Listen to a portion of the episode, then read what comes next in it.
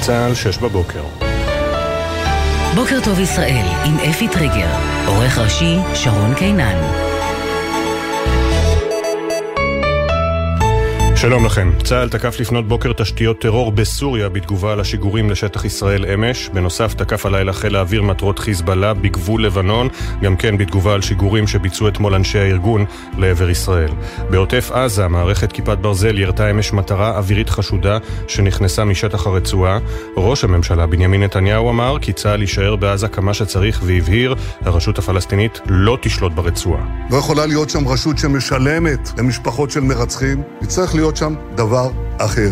אבל בכל מקרה חייבת להיות שליטה ביטחונית שלנו. לשאלת כתבנו הצבאי דורון קדוש, שלל נתניהו אפשרות של החזרת ההתיישבות היהודית לרצועת עזה, והוסיף, זה לא יעד ריאלי. חמישה לוחמי צה"ל אה, במילואים נפלו בסוף השבוע בקרבות ברצועת עזה. ארבעה מהם נפלו אתמול בפיצוץ פיר מנהרה באזור בית חנון. רב סרן במילואים משה ידידיה לייטר, בן 39, מעין צורים. רב סמל מתקדם במילואים יוסף חיים יוסי הרשקוביץ, בן 44 מגבעות. רב סמל ראשון במילואים סרגיי שמרקין, בן 32 מקריית שמונה. ורב סמל ראשון במילואים מתן מאיר, בן 38 מאודם. ערן, חברו של מתן, סיפר עליו לכתבנו הוד בראל. ישראל ונועה ברנס. באמת, המון סיפורים, איש מאוד מיוחד. ומהסיפורים שאנחנו שומעים עכשיו, גם שם בתוך עזה, הוא כל הזמן ביקש להיות מקדימה, יחד עם הפיקוד, להיות בעניינים, לא להיות עוד איזשהו סטטיסט, רצה להיות משמעותי. באותה התקרית שבה נפלו ארבעת הלוחמים נפצעו קשה קצין וארבעה חיילים נוספים. בקרב, בקרב אחר אה, בצפון אה, הרצועה נפל רב סמל ראשון במילואים נתנאל נתי הרוש, בן 34 מירושלים, לוחם ביחידת הסיוע המנהלתי בחטיבת גבעתי. הוא יובא למנוחות בשתיים אחרי הצהריים בחלקה הצבאית בהר הרצל. בנוסף, קצין בגדוד 12 של חטיבת גולני נפצע קשה במהלך קרב במרכז הרצועה. משפחות כל הפצועים עודכנו. היום התקיימו הלוויותיהם של אה, שלושה חללים נוספים, סמל ראשון גדעד רוזנבליט, חובש קרבי בגדוד 52, יובא למנוחות ב-10 בבוקר בבית העלמין בקיבוץ גניגר.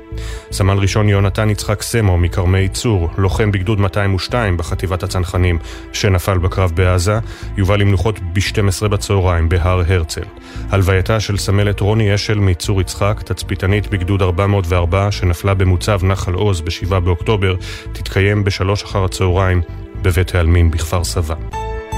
ראש הממשלה נתניהו תקף אמש בחריפות את נשיא צרפת עמנואל מקרו לאחר שזה אמר שלשום כי ישראל צריכה להפסיק את הרג התינוקות והנשים בעזה. הוא טעה טעות קשה. היא גם טעות עובדתית וגם טעות מוסרית.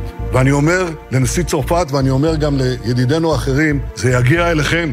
ולכן צריך לקבוע שלא נותנים אה, חיסיון לטרוריסטים שמבצעים פשע מלחמה כפול. גורם אה, מדיני בצרפת הדגיש אמש כי הנשיא מקרון גינה באופן ברור וממשיך לגנות באופן ברור את פעולות הטרור של חמאס.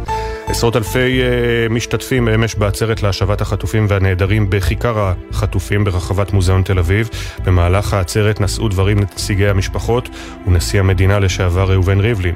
נועם פרי, בתו של חיים פרי בן ה-80 שנחטף מקיבוץ ניר עוז, קראה לחברי הממשלה, השיבו אותם בכל מחיר. אל תדברו איתנו על מיטוט, אל תדברו איתנו על כיבוש. מצידי, אל תדברו בכלל. תעשו כל מה שצריך כדי להחזיר את אבא שלי ואת שאר החטופים הביתה. יהא המחיר אשר יהא. אירועים לזכר הנרצחים ולמען החטופים התקיימו אמש במוקדים נוספים בשדות ים. הודלקו מאות פנסים לזכר יותר מ-200 הנרצחים במסיבת הטבע, ובירושלים התקיימה עצרת בכיכר פריז שבה השתתפו כאלפיים איש. בתוך כך התייחס אמש ראש הממשלה לדיווחים על עסקה להשבת אה, חטופים ואמר, כשיהיה מה לומר, נעדכן את המשפחות ונביא את הדברים לממשלה. עד אז, השתיקה יפה. הממשלה צפויה לאשר היום הקצאה של 900 מיליון שקלים למנהלת תקומה לשיקום עוטף עזה. הסכום יוקצה מתוך התקציב לשנה הקרובה ולשנה הבאה, ולא מקיצוץ בכספים הקואליציוניים.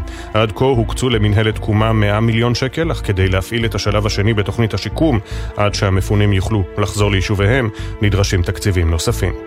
ובצל המלחמה, נבחרת ישראל בכדורגל תפתח הערב בסדרה של ארבעה משחקים תוך תשעה ימים, ובסופם היא שואפת לעלות לראשונה בהיסטוריה לאליפות אירופה, שתיארך בקיץ 2024 בגרמניה.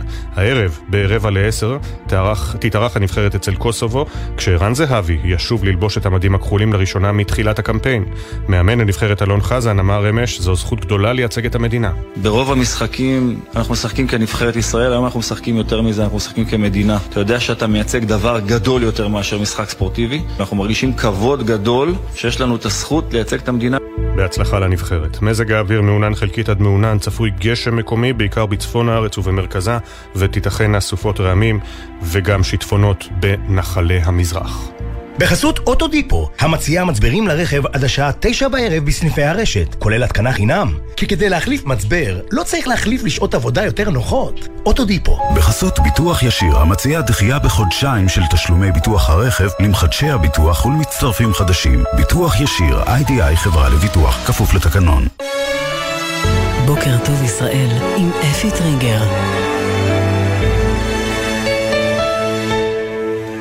606 בדיוק, גלי צה"ל, בוקר טוב ישראל, בוקר יום ראשון, 12 בנובמבר 2023, כ"ח במר חשוון, תשפ"ד. אנחנו פותחים עוד שבוע ואת היום ה-37 למלחמה, הם שותרו לפרסום שמותיהם של חמישה לוחמים במילואים שנפלו בעזה במהלך סוף השבוע. כתבנו הצבאי דורון קדוש, הלחימה ברצועה נמשכת, מתקיימים קרבות גם סמוך לבתי החולים שבהם מצטברים, מתבצרים מחבלי חמאס. שלום, בוקר טוב דורון. כן, שלום, בוקר טוב אפי. אז התקרית הקשה הזו שאירעה בסוף השבוע גבתה מחיר כבד. ארבעה לוחמים מחטיבת המילואים המובחרת 551, חטיבת מילואים של יוצאי קומנדו וצנחנים, ארבעת הלוחמים נפלו באותה תקרית בבית חנון בצפון הרצועה, בזמן שהם ביצעו סריקות באזור שבו היו מספר פירי מנהרות תת-קרקעיות, אחד הפירים היה ממולכד, הלוחמים היו כנראה קרובים מדי, וכשהם הגיעו סמוך אליו, התפוצץ מטען רב עוצמה שפגע בהם. הפצועים פונו למעבר ארז, משם מסוק של חיל האוויר הטיס אותם לבית החולים שערי צדק בירושלים, כאמור בתקרית הקשה הזו של חטיבה 551, ארבעה לוחמים שנפלו ועוד שישה לוחמים שנפצעו, חמישה מהם באורח קשה. בנוסף, בסוף השבוע נפל גם חלל נוסף, לוחם מילואים מיחידת הסיוע המינהלתי של חטיבת גבעתי, הוא נפל בתקרית אחרת. נגיד לגבי מה שקורה בתוך הרצועה, אפי, אנחנו מדברים על אה, הידוק של הטבעת. סביב בתי החולים וסביב מרכזי הכובד של חמאס ברצועת עזה, ככל שעובר הזמן, הלוחמים ממשיכים להתקרב אל בית החולים שיפא, שההתקדמות היא התקדמות איטית, ונעשות תקיפות גם מהאוויר וגם מהיבשה סמוך לשם. אבל צריך להדגיש שבצה"ל אה, אה, מדגישים בצורה נחרצת שצה"ל כרגע לא מכתר את בית החולים שיפא, ובוודאי שלא חוסם או מונע אפשרות מאזרחים להתפנות ממנו, ובניגוד לטענות הפלסטיניות, אפילו להפך, צה"ל מאפשר צירי יציאה בטוחים מתוך בית החולים כדי לפנות את בית החולים שיפא ברצועת עזה. בצה"ל אפילו עומדים בקשר עם מנהל בית החולים כדי לוודא שכל מי שמעוניין לצאת, הדבר הזה יהיה מתואם, מאושר ובטוח. ובמהלך הימים האחרונים, אפי, אנחנו יכולים לדווח כי יש כבר לא מעט אלפי אנשים שהתפנו גם מבית החולים שיפא, גם מבתי חולים נוספים. סך הכל מצפון רצועת עזה התפנו במהלך הימים האחרונים יותר מ-200 אלף פלסטינים, וככל שעובר הזמן, עוד ועוד עשרות אלפי אנשים מתפנים מהאזור כדי לאפשר לצה"ל להילחם בתוך מרחב שעד כמה שאפשר הוא כמעט ללא אזרחים. זו המטרה, על זה מסתכלים במהלך הימים הקרובים, וזה מה שצפוי לנו בצפון הרצועה. תודה, דורון.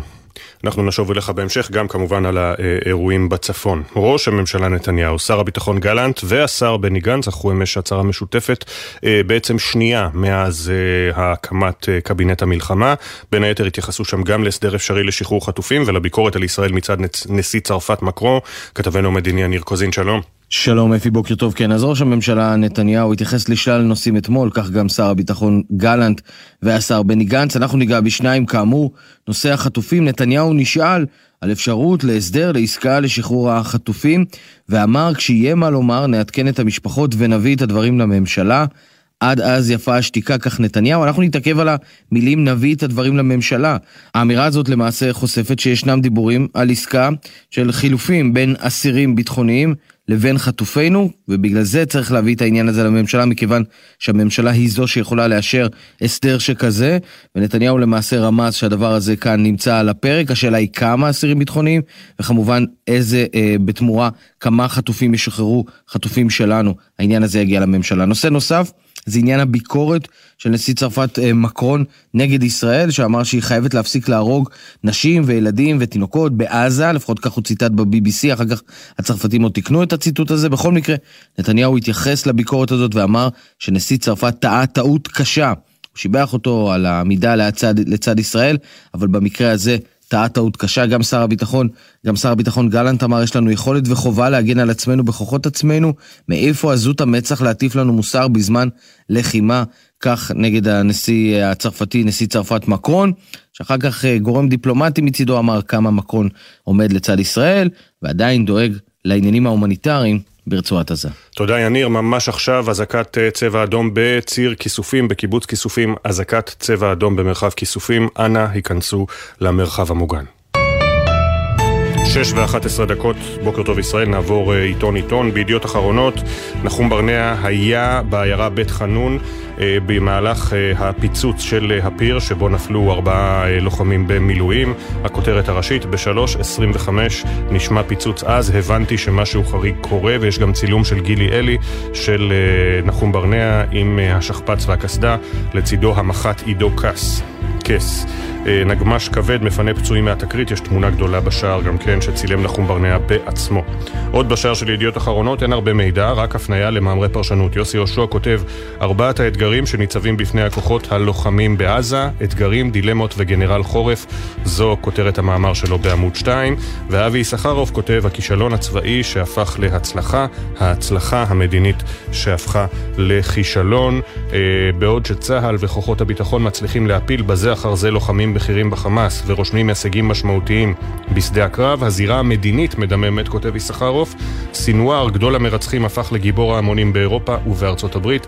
זו לא רק אנטישמיות, זה כישלון הסברתי ומנהיגותי חמור, ויש רק אדם אחד שחתום עליו, כותב אה, אבי יששכרוף. בישראל היום גבורת צנחני המילואים, זו הכותרת הראשית, שבעה חללים נוספו לרשימת השכול, ארבעה מהם נהרגו מפיצוץ מטען בבדיקת אה, פיר מנהרה. כוחותינו מעמיקים את האחיזה בלב עזה, הושגה שליטה על 11 מוצבי חמאס. נתניהו הגיב לביקורת מהעולם, שום לחץ בינלאומי לא ישנה את החובה שלנו להגן על עצמנו. גלנט אמר, אם נתקוף את ביירות, דעו שחיזבאללה חצה את הקו האדום. ויש תמונה גדולה של אה, דובר צה"ל מפעילות אה, הלוחמים בעומק עזה. מתחת לקיפול בישראל היום שורה של מאמרי פרשנות אה, לצד אה, תמונות הנופלים בסוף השבוע. אה, יואב לימור כותב, השבוע השישי יהיה סבוך יותר. אריאל כהנא כותב, בלי פתרונות פלסטר עם תקוות שווא. עודד גרנות, מנהיגי ערב מציבים גבול לחמאס. אלוף משנה לירון ליבמן כותב תקדימים משפטיים, לא על הגב שלנו.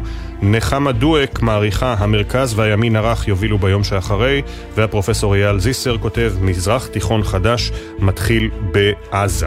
עוד uh, בישראל היום, לחייל שלי בחזית, מכתבים מבני הזוג שבעורף, אל אהוביהם שנלחמים, בעמודים 16-17. Uh, אה, בעמוד 12 נחשף יומן המשטרה משבעה באוקטובר, דקה אחר דקה. דקה אחר דקה. מי מביא את זה? איציק סבן כמובן. Uh, יומן המבצעים של מחוז דרום במשטרה נחשף דקה אחר דקה, ובין היתר נכתב עשר דקות אחרי כניסת המחבלים למשטרה בשדרות, היו רבים אמורים לצאת לתפילת הבוקר. כך בישראל אה, היום. בעמוד 6 אגב, איך נחזירם הביתה, החטופים והתרחישים האפשריים, אה, איך נחזיר אותם הביתה, עסקה, אה, פעולה מבצעית, עסקת חילופים, כל התרחישים, עמודים 6-7 בישראל היום. בהארץ, הכותרת הראשית של יניב קובוביץ', ג'קי חורי, עדי חשמונאי, מיכאל האוזר טוב, יהונתן ליס, עדן סולומון ורן שמעוני. שבעה חיילים נהרגו בעזה, צה"ל אומר חמאס איבד אחיזה בצפון הרצועה. כוחות צה"ל התקרבו לבית החולים שיפא ובעזה הזהירו מקריסתו. נתניהו אומר לא אוותר על שליטה ביטחונית ברצועה בשום מצב. מקרון קורא ישראל מוכרחה להפסיק להרוג תינוקות ונשים. דיכטר על הפינוי מצפון הרצועה אומר זו הנכבה של עזה. עמוס הראל כותב על מטרות מתנגשות. בין שתי מטרותיה המרכזיות של המלחמה ברצועת עזה קיים מתח מובנה.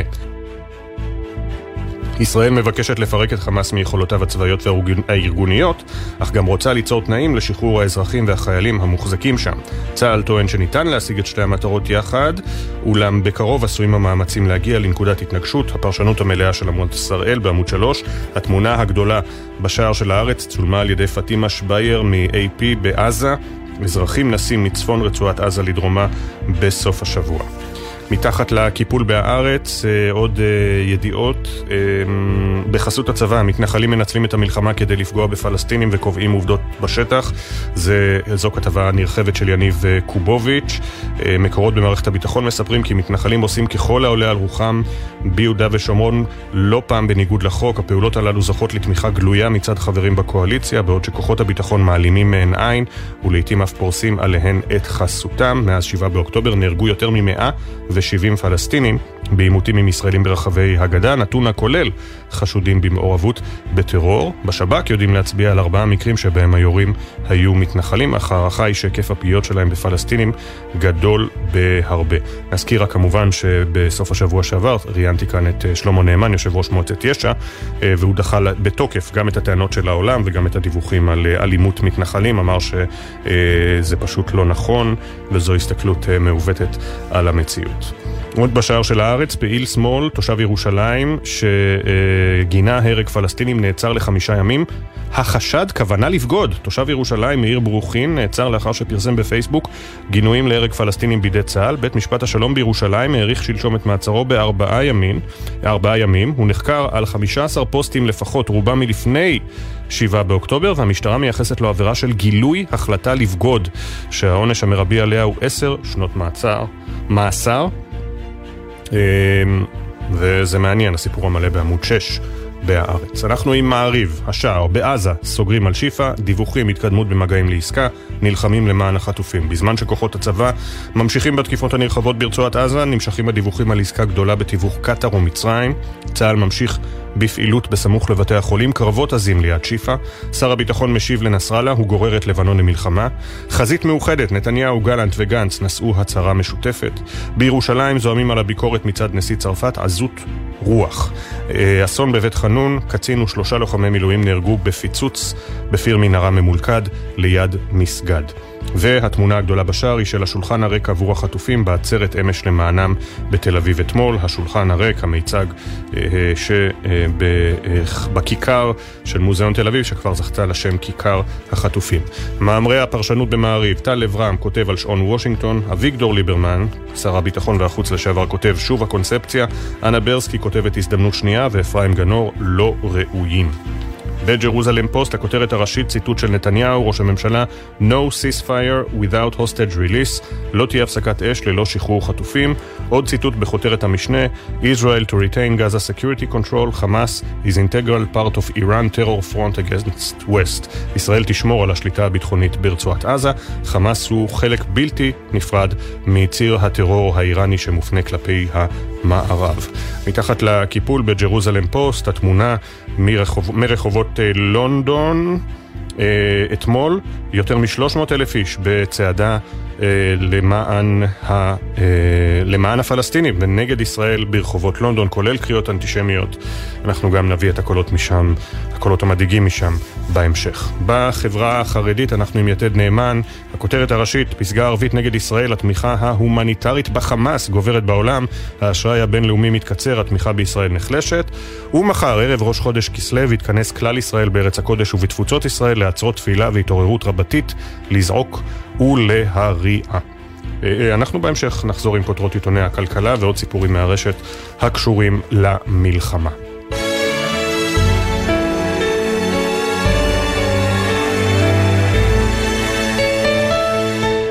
שש ותשע עשרה דקות, המשטרה חוקרת מקרה שבו נפצעו תלמידי פנימייה בפתח תקווה כשרצו למרחב המוגן, כי ידיהם היו קשורות באזיקונים כחלק ממשחק. הדס שטייף, את מספר, מספרת לנו לראשונה על הסיפור המוזר הזה. שלום הדס. בוקר טוב אפי. בסוף השבוע שעבר קיימו המדריכים בפנימייה בפתח תקווה פעילות חברתית. במהלך הפעילות נקשרו התלמידים זה לזה באזיקונים למשחק. כך מתארת אם של אחת התלמידות. ואז היא מספרת לנו שהוא עשה להם משחק, אני לך תמונות. הוא קשר אותם באזיקונים אחד לשני. והפך אותם לכדורגל שולחני. במהלך המשחק הופעלה אזעקת צבע אדום וכולם נאלצו לרוץ למרחב מוגן. הם היו מחוברים באזיקונים, לכן משכו זה את זה כדי להספיק ולהגיע לממ"ד, תוך שהם נפצעים בידיהם. מוסיפים ההורים. הם רצו ביחד ונפלו, כי אחד רץ יותר מהר. והיא לא הצליחה לנעול נעליים. עכשיו הוא אומר לה, אחרי ארבע דקות צאי מהממ"ד להמשך הפעילות, אמא שלו, אני רוצה לחכות עשר דקות. הוא אומר לה, צאי מהממ"ד. ואז הגיע איזה מדריך אחר, אז הוא אומר, תסתכל עליהם, איזה קטע, נראים כמו... איך הוא אמר? כמו חטוף, בכדורגל של חטופים הוא אמר. חטופים. משנודע על כך להורים, הם נסערו ומיהרו להגיש תלונה במשטרה נגד מנהל הפנימייה והמדריכים. עוד באותו ערב זומן המנהל למסירת עדות במשטרת פתח תקווה, במהלכה הודה כי קשירת האזיקונים הייתה טעות, והסביר כי זה קרה כיוון שלא היו חבלים. המדריך זומן לחקירה ונחקר באזהרה. מהמינהל לחינוך התיישבותי במשרד החינוך נמסר בתגובה כי מדובר במשחק במסגרת פעילות שהעביר המדריך לחניכי קבוצתו בשעות הערב. יחד עם זאת נאמר, היה מצופה להימנע ממשחק מסוג זה ולחשוב על ההשלכות הבטיחותיות בתקופה זו ולהימנע מהאמירה המיותרת שנאמרה על ידי המדריך. המפקח חידד את הנהלים בנושא. בפנימייה יצרה ההנהלה והמדריכים קשר עם ההורים והתנצלה על קשירת ידי החניכים באזיקונים. בהודעה ששיגר המדריך נאמר, אני מבין שנוצרה אי הבנה. למשחק כדורגל שולחני אנושי יש מטרה ורציונל ערכי חיובי וחשוב מאוד ליצור עבור החניכים דרך המשחק שיתוף פעולה, עזרה הדדית, תחרותיות, גיבוש, כיף ובעיקר חזרה טובה לשגרה. אני לומד מהעניין ומבין שהדברים הוצגו בצורה שגויה ואף יצאו מפרופורציה. בעקבות השימוש בעזרים שהשיוך להם קשור לחטופים ולמלחמה, אני מתנצל שהדברים התפשרו ככה ומבין את הדאגה שלכם בעניין. לא הייתה לי שום כוונה להפוך את המשחק למשהו כוחני, פיזי ופוגעני שיגביל את החניכים במצב חירום ובכלל. תודה, הדס. במשרד האוצר ממשיכים לבקר את התנהלותו של שר האוצר בצלאל סמוטריץ', בכירים במשרד תוקפים את תוכנית הקיצוצים שלו, שלדבריהם לא תואמת את המציאות. כתבנו לענייני כלכלה ישראל פישר, התוכנית כוללת קיצוץ חלקי בלבד בכספים הקואליציוניים, והבכירים חוששים שהמסר שמשדרת המערכת הפוליטית לגופים הבינלאומיים אה, הוא מנוגד לדרישה שלהם לאחריות תקציבית. בוקר טוב, ישראל פישר. בוקר טוב, אפי. ההתנהלות של שר האוצר בצלאל סמוטריץ' ממשיכה לטלטל את צמרת משרדו. ביום חמישי בלילה הודיע שר האוצר על שינויים תקציביים כבר השנה, אבל בכירי משרדו לא ידעו על כך. לפי הודעת סמוטריץ' הוא ישאיר השנה כשליש מהכספים הקואליציוניים, 400 מיליון שקלים, והוא לא התייחס כלל לגבי 2024. בנוסף, ההצעה מגלמת קיצוץ רוחבי של 4 מיליארד שקלים בתקציב של השנה הנוכחית.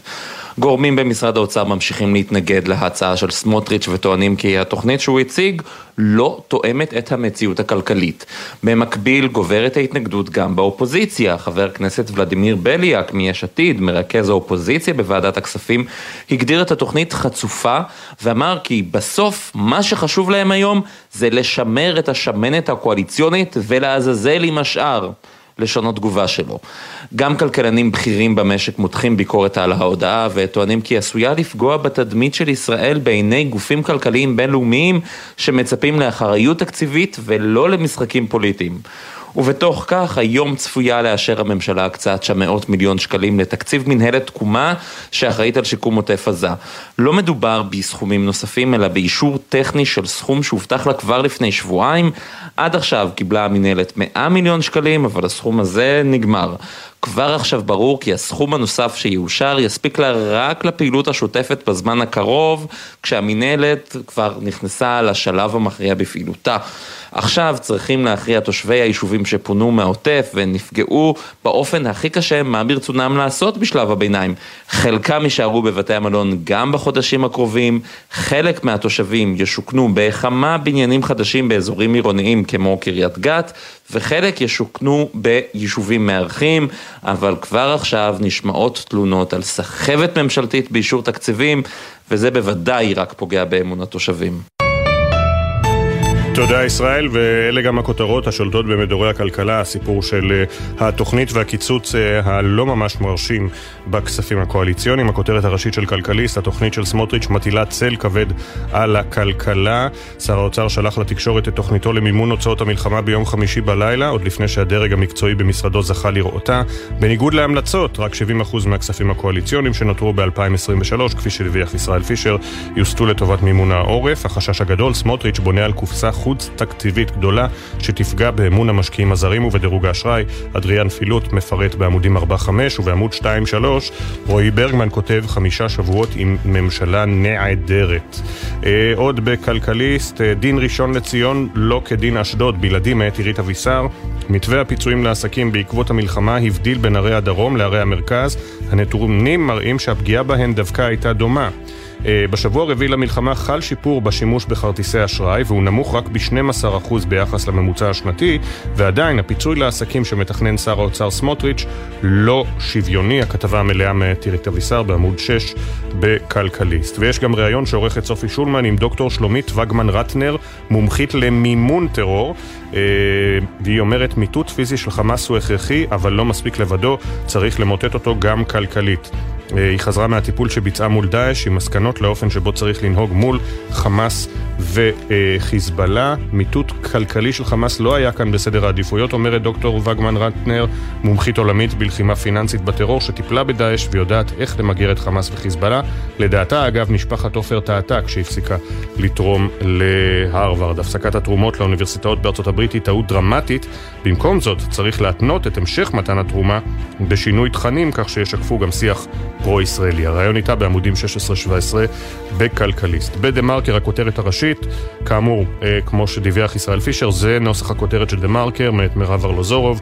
סמוטריץ' מסרב לקצץ בתקציב 2024 ולצמצם את הנזקים.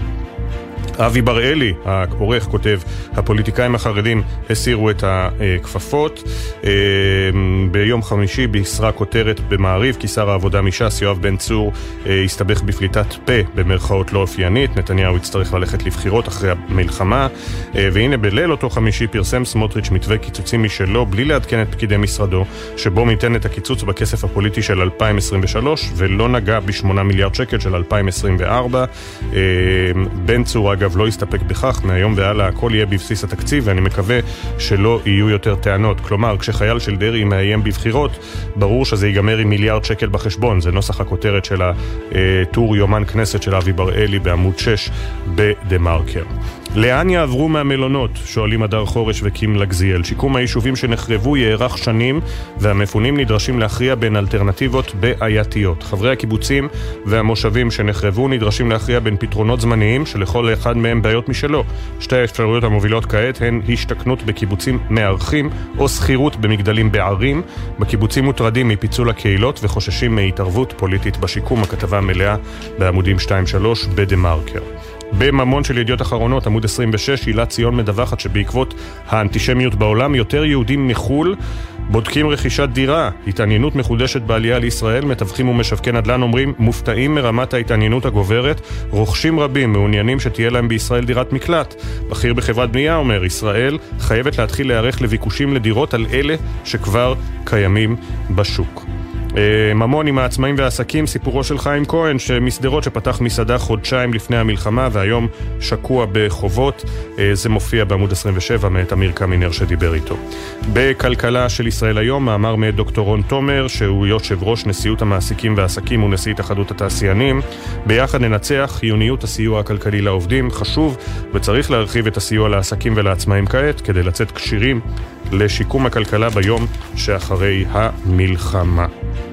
אה, לפני שנצא לעדכון החצי שלנו, אז רק נספר לכם ששני עדכונים, בעצם שלושה מארצות הברית של אמריקה. הראשון, עורך הדין מייקל כהן, שהודה והורשע בעבירות על החוק אה, במסגרת אה, שירותו את אה, דונלד טראמפ והפך למתנגד קולני של טראמפ, הוא הסתובב ברחובות ניו יורק בסוף השבוע וראה אישה תולשת פוסטרים של חטופים. אז הוא מיד צילם אותה ואמר לה שמה שהיא עושה זה לא חוקי ושהיא חצופה ושהיא אנטישמית. היא בתגובה זיהתה אותו כאדם שעבד בעבר עם טראמפ ועלתה למתקפה מולו, כלומר לא הרגישה שום בושה על כך שהיא תולשת פוסטר של חטופים. הוא תיעד אותה. ואפשר לראות אותה ברשת כדי אה, ל- לעשות לה שיימינג ככל האפשר.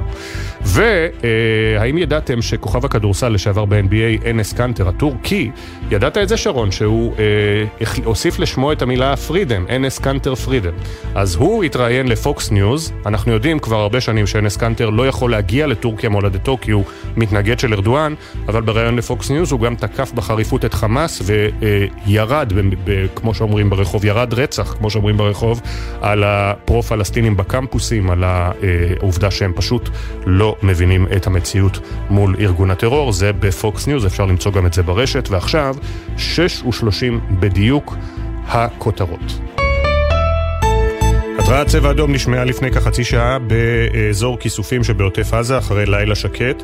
בצפון, צה"ל תקף לפנות בוקר תשתיות טרור בסוריה בתגובה על השיגורים לשטח ישראל אמש. בנוסף, תקף הלילה חיל האוויר מטרות חיזבאללה בגבול לבנון, גם כן בתגובה על שיגורים שביצעו אתמול אנשי הארגון לעבר ישראל.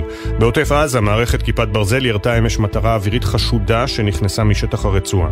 ראש הממשלה בנימין נתניהו אמר כי צה"ל יישאר בעזה כמה שצריך והבהיר, הרשות הפלסטינית לא תשלוט ברצועה אבו מאזן לא גינה את הטבח וממשיך לשלם למשפחות מחבלים. לשאלת כתבנו הצבאי דורון קדוש, שלל נתניהו אפשרות של החזרת ההתיישבות היהודית לרצועת עזה והוסיף, זה לא יעד ריאלי. רב סמל ראשון במילואים נתנאל נתי הרוש, לוחם גבעתי בן 34 מירושלים, שנפל בסוף השבוע בקרב ברצועת עזה, יובא למנוחות בשתיים אחרי הצהריים בחלקה הצבאית בהר הרצל. בתקרית נוספת בסוף השבוע נפלו ארבעה לוחמים בפיצוץ של פיר מנהרה ממולכד באזור בית חנון, רב סרן במילואים משה ידידיה לייטר, בן 39 מעין צורים, רב סמל מתקדם במילואים יוסף חיים, יוסי הרשקוביץ, בן 44 מגבעות, רב סמל ראשון במילואים סרגי שמרקין, בן 32 מקריית שמונה, ורב סמל ראשון במילואים מתן מאיר, בן 38 מאודם, ערן, חברו של מתן, סיפר עליו לכתבינו הוד בראל ונועה ברנס. באמת, המון סיפורים, איש מאוד מיוחד. ומהסיפורים שאנחנו שומעים עכשיו, גם שם בתוך עזה, הוא כל הזמן ביקש להיות מקדימה, יחד עם הפיקוד, להיות בעניינים, לא להיות עוד איזשהו סטטיסט, רצה להיות משמעותי.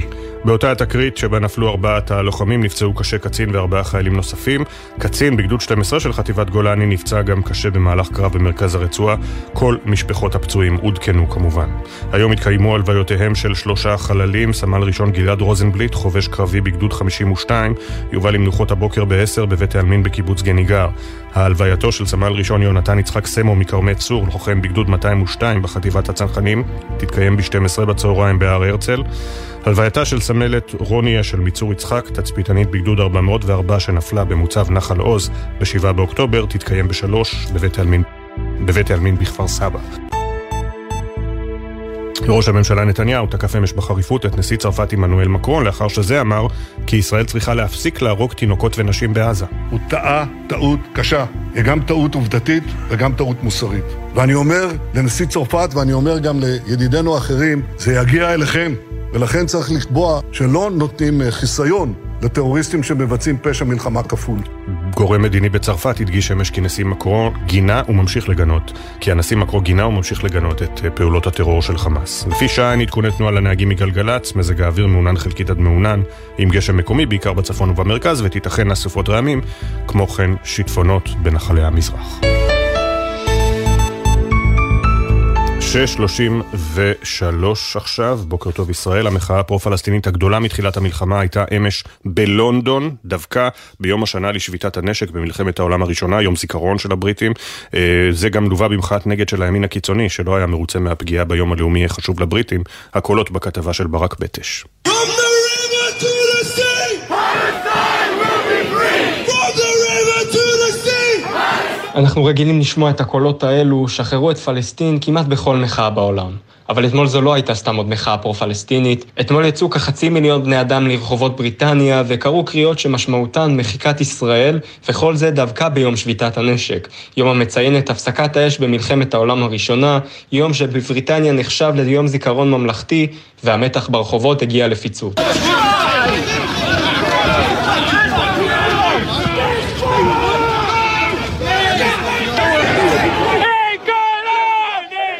סביב השעה 10 בבוקר שעון לונדון יצאו אלפי לונדונים לרחובות לציין את יום שביתת הנשק. האירועים החלו כסדרם, האזרחים נעמדו לשתי דקות דומייה בשעה 11 ו-11 דקות, אבל מהר מאוד האירועים הסלימו. המפגינים הפרו-פלסטינים קראו להפסיק את הכיבוש, את המצור על עזה, וקראו לשחרר את פלסטין. No one in Gaza is okay. My family are all in Gaza and none of them are okay. For me to have to now say to the world, remember that we are human beings, I think that message, we're at a point in time where I can't believe that we're here. אנשים בעזה לא בסדר, כל המשפחה שלי בעזה וכולם שם לא בסדר. בשבילי, שאני צריך להזכיר לעולם שאנחנו אנשים, קשה לי להאמין לאן הגענו, כך אמר אחד המפגינים הפרו-פלסטינים, ומנגד היו גם את מפגיני הימין הקיצוני בהובלת טומי רובינסון, פעיל ימין קיצוני שמרבית מהזמן המפגינים רק היללו את שמו.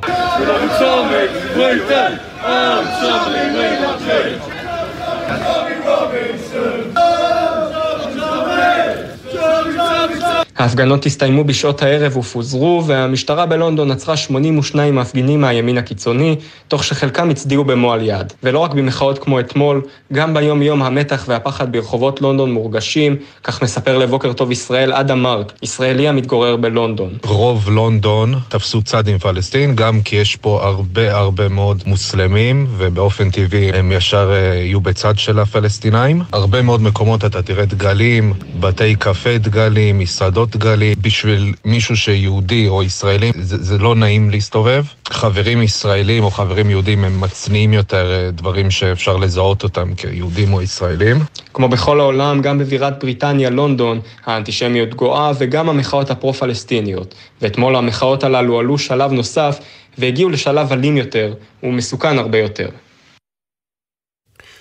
636, אלכס דנציג, שנחטף ב-7 באוקטובר מקיבוץ ניר עוז, הוא ממייסדי המסעות לפולין, הוא מדריך אותם כבר יותר מ-30 שנה. דנציג בן 75 הוא גם אזרח פולין, עם לא מעט חברים שם, ובני משפחתו מקווים שבוורשה יסייעו במאמצים להשבתו. מצטרף אלינו יובל, בנו של אלכס. שלום יובל. שלום, בוקר טוב. 37 יום מאז 7 באוקטובר, אביך, ספר לנו על אביך קודם כל, הוא מניר עוז. כן, אבא שלי מקיבוץ ניר עוז, חי שם כבר מעל 50 שנה.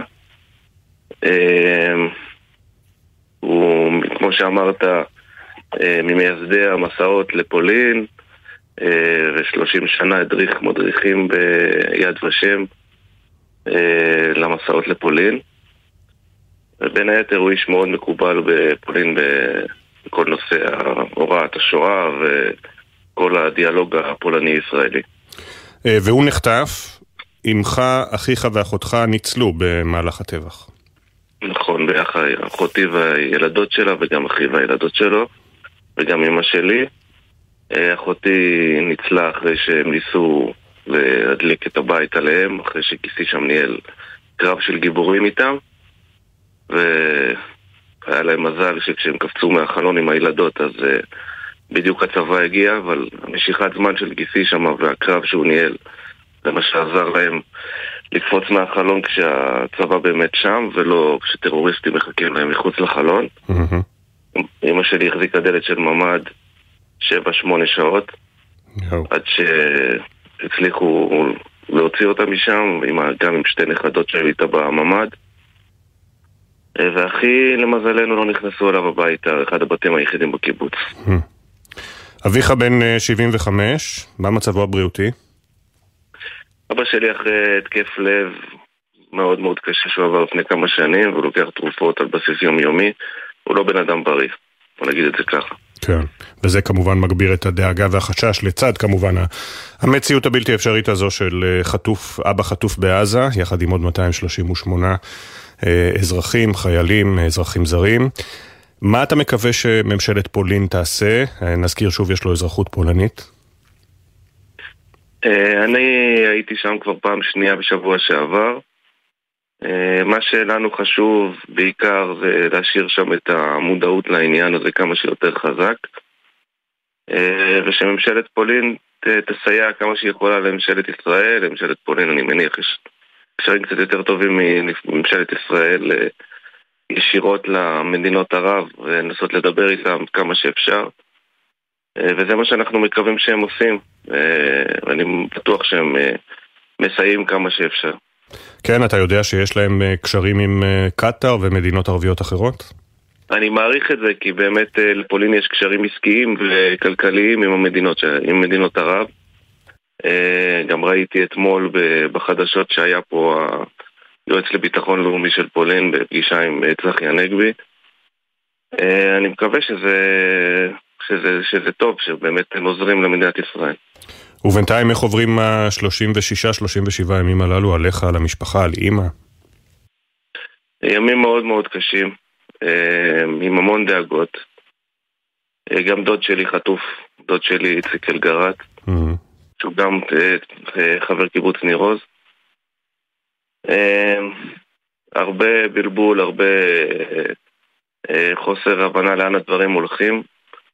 אבל אנחנו מנסים, מנסים לנצל את ה... בעיקר את הקשרים של אבא ואת האהדה שיש לו בפולין ובעוד מקומות כדי uh, לדבר על החטופים, לדבר על הסיטואציה הבלתי אפשרית שאנחנו נמצאים בה.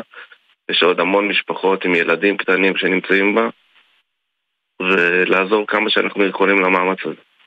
בואו נחזור לעניין שאמרנו בתחילת השיחה שהוא היה ממייסדי המסע לפולין, אני מניח שהוא גם מכיר או הכיר את הביקורת על, של אנשים שנגד המסעות הללו לפולין, מה הוא נהג לומר על הדברים הללו? למה זה חשוב להגיע לשם?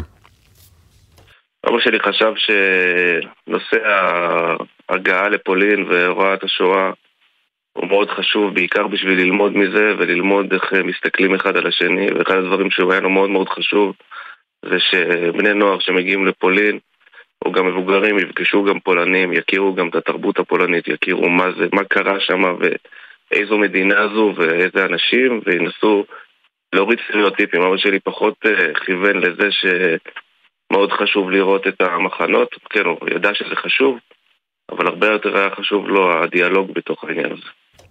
והדיאלוג הזה, כאמור, הוא רוצה, אני מניח שאתם רוצים לראות אותו מהר מאוד בבית, ושהוא יוכל להמשיך בו בעתיד כמה שיותר מהר. מה נאחל לכם, יובל? נאחל, כמו לכל עוד, כל המשפחות האחרות, שהם יהיו בבית כמה שיותר מהר. כי הדבר הכי חשוב כרגע, ו... וזה אני חושב שהממשלה שלנו צריכה להבין, אני לא יודע מה נמצא להם על השולחן, שהזמן הוא בעוכרינו. אבא שלי, אז הרבה זמן להיות בתוך הסיטואציה הזאת הוא לא יצליח. ואני בטוח שיש עוד הרבה מאוד משפחות והרבה מאוד אנשים שנמצאים באותה סיטואציה. אני גם יודע, כי מניר עוז יש הרבה מאוד מבוגרים אה, שלא בריאים שנמצאים שם, והרבה מאוד ילדים, וצריך להביא את הסיטואציה הזאת לסיום כמה שיותר מהר. יובל דנצינג, בנו של אלכס שנחטף לעזה, תודה רבה שדיברת איתנו, נקווה לבשורות טובות. תודה לך. תודה לך. ועכשיו אנחנו במיזם שלנו מאחורי השמות, מדי בוקר מספרים כאן משהו קצר על כל נרצח ונופל, אנקדוטות של חלקן בני משפחה וחברים שלחו לנו, נעשה זאת על כל אחד ואחת מאחורי השמות.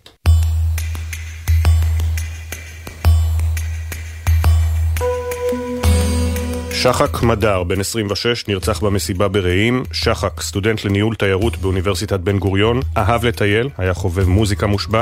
אמו אמרה בלוויה שלו היה העניין תלוי בו, היה מארגן לעצמו אירוע אחר של מוזיקה טובה ואלכוהול משובח. סמל ראשון נאור סיבוני, בן 20 מגילת, היה לוחם בגדוד 13 בגולני. במשך כל התקופה בקו עזה, נאור קיבל שלושה תוארי הצטיינות, כולל בסוף השבוע האחרון לחייו. בסוכות אפילו הספיק לקפוץ לבלומפילד למשחק של מכבי תל אביב, הקבוצה שאהב כל כך. סרן רון צרפתי, קצינת אבטחה במערך הבקרה האווירית, ובן זוגה עידן הרמתי נרצחו במסיבה ברעים. את החיוך של רון, פיית המדבר, שום דבר לא יכול היה למחוק. אולי חוץ מציון 85 בשיעור ערבית בתיכון. בצעירותו הלך עידן לכל חוג אפשרי, אפילו בנה מכוניות קארטינג בחצר.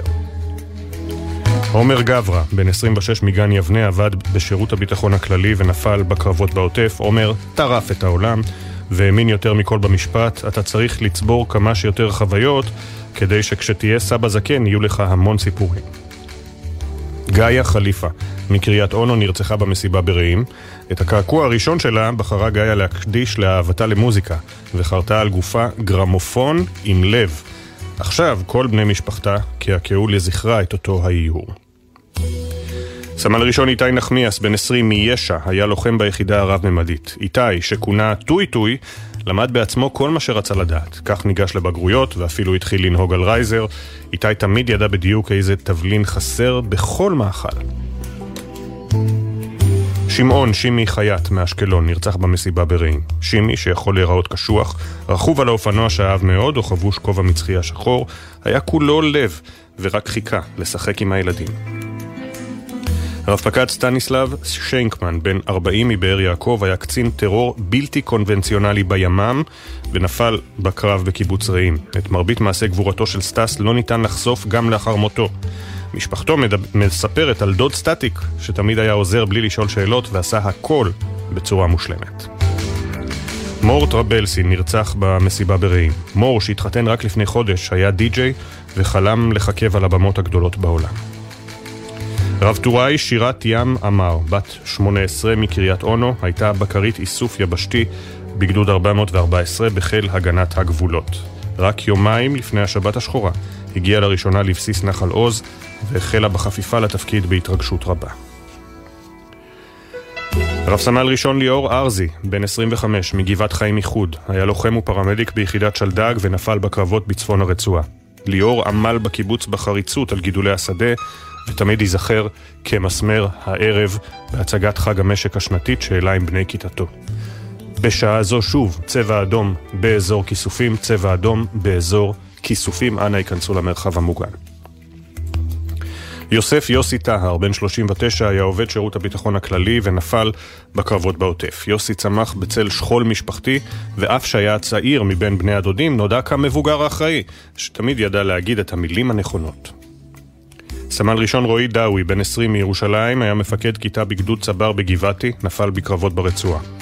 רועי העריץ את סמל ראשון ליאל גדעוני שנפל בצוק איתן והתגייס בעקבותיו לחטיבה הסגולה. הוא נקבר חלקה לידו בהר הרצל. רועי גם היה אוהד שרוף של הפועל ירושלים בכדורסל. שוהם תורג'מן נרצחה במסיבה ברעים רגע לפני שחגגה 24. במשפחתה כבר מתגעגעים לצחוק הסוחף שלה, ללב הרחב ולשטויות שהייתה עושה סביב שולחן החג. סרן במילואים יובל זילבר, בן 25 מרמת גן, היה מפקד מחלקה בגדוד חי"ר 7007 שבחטיבת הראל ונפל בלחימה ברצועה. יובל חזר למילואים הישר מהטיול במזרח. רגע לפני שהאוטובוס הגיע לשטחי הכינוס, כשכל המחלקה רעדה מפחד, יובל קרץ בחיוך לאחד החברים ואמר, הכל יהיה בסדר. רב סמל מתקדם במילואים ליאור בן יעקב, בן 44 מיש"ע, היה סגן רב ש"ץ היישוב.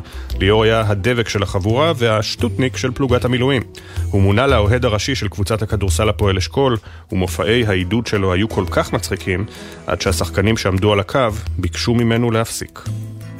רב טוראי מאיה ויאלובו, פולו. רב טוראי מאיה ויאלובו פולו. בת 19 מגבעתיים, הייתה בכרית איסוף יבשתי בגדוד 414 בחיל הגנת הגבולות. בסיום הטירונות קיבלה מאיה את כומתת המ"מ כאות הערכה. היא חלמה לצאת לקצונה, ואחרי סוכות הייתה אמורה לקבל תעודת הצטיינות על אירוע שסיכלה שבועות לפני נפילתה.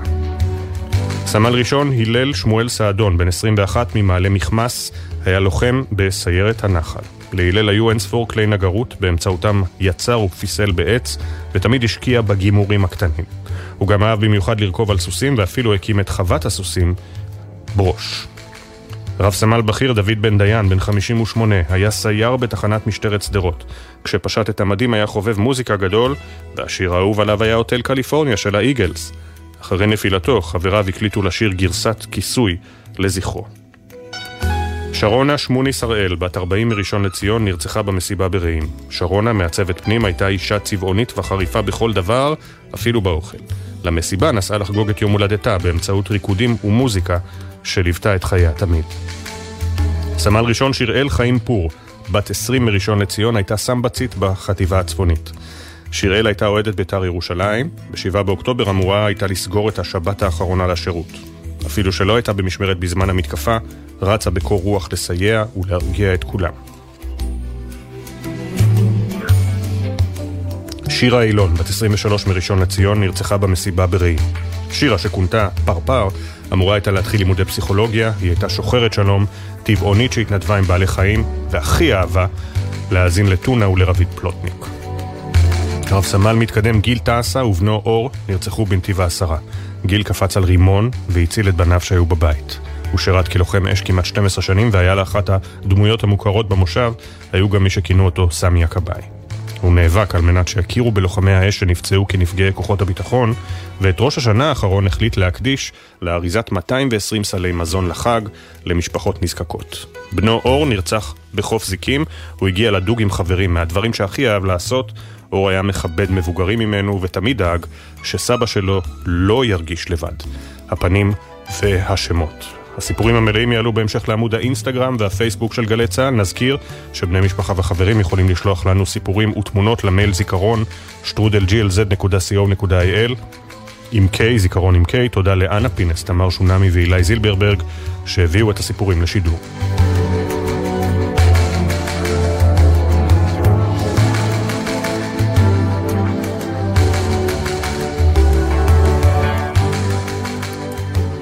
עשרה לשבע, אנחנו uh, בפינת הפרשנים שלנו הבוקר, לא להיבהל, מדברים על כדורגל, כי uh, עוד לא חוזרים לשגרה, ממש לא, אבל נבחרת ישראל תתמודד הערב מול קוסובו, משחק ראשון מבין ארבעה בעשרה ימים, שיכולים להסתיים, יש שיאמרו צריכים להסתיים בעלייה היסטורית שלנו לאליפות אירופה, שתיארך בקיץ בגרמניה, והנבחרת כולה רוצה לשמח את כל האוהדים. אה, ולהכניס קצת חיוך ללבבות שלנו בימים הקשים הללו. איתנו אורי, אוז, אורי אוזן, מגיש שעושים ספורט כאן בגלי צה"ל. שלום, בוקר טוב אורי. בוקר אור, אפי, שבוע טוב. שבוע טוב, ושבוע טוב גם לך. זאביק זלצר, ספורט אחת. בוקר אור. בוקר אור ושבוע טוב. שבוע טוב כמובן. אז uh, אנחנו מסתכלים קדימה הערב, uh, אורי אוזן, uh, ישראל נגד קוסובו, ערן זהבי חזר. ברור שהראש של השחקנים והמאמנים לא היה בכדורגל בחודש האחרון, לא רק כי הפסיקו את הליגות, אלא כי באמת לאף אחד אין, אין ראש למשהו אחר מלבד האסון הנורא שפקד אותנו כמעט. אבל יש לנו תקווה, כמו שכותבים הבוקר בספורט ידיעות אחרונות, תקווה לעשות היסטוריה. אורי.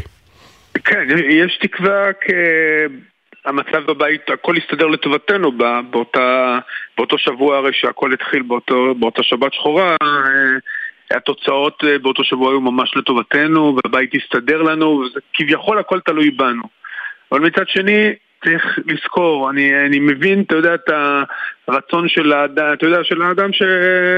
של האוהד, של אוהד הכדורגל, של הפטריוט הישראלי, שאומר, הנה, זו הזדמנות ומוטיבציה והכל, אנחנו ננצח בסיטואציה הזאת ורוצים לשמח את העם, אבל רוב שחקני, קודם כל יש לנו את הפציעות של מנור סולומון וליאל עבדה שמאוד משמעותיות, ויותר מזה, רוב השחקנים עדיין משחקים בליגה הישראלית, או יותר מדויק, לא משחקים בליגה הישראלית והם יגיעו בכושר שיהיה מאוד קשה לשחק ארבעה משחקים בתשעה ימים וחלקם זה חמישה ושנים עשר יום כי הם שיחקו גם ביום חמישי באירופה, מכבי תל אביב ומכבי חיפה.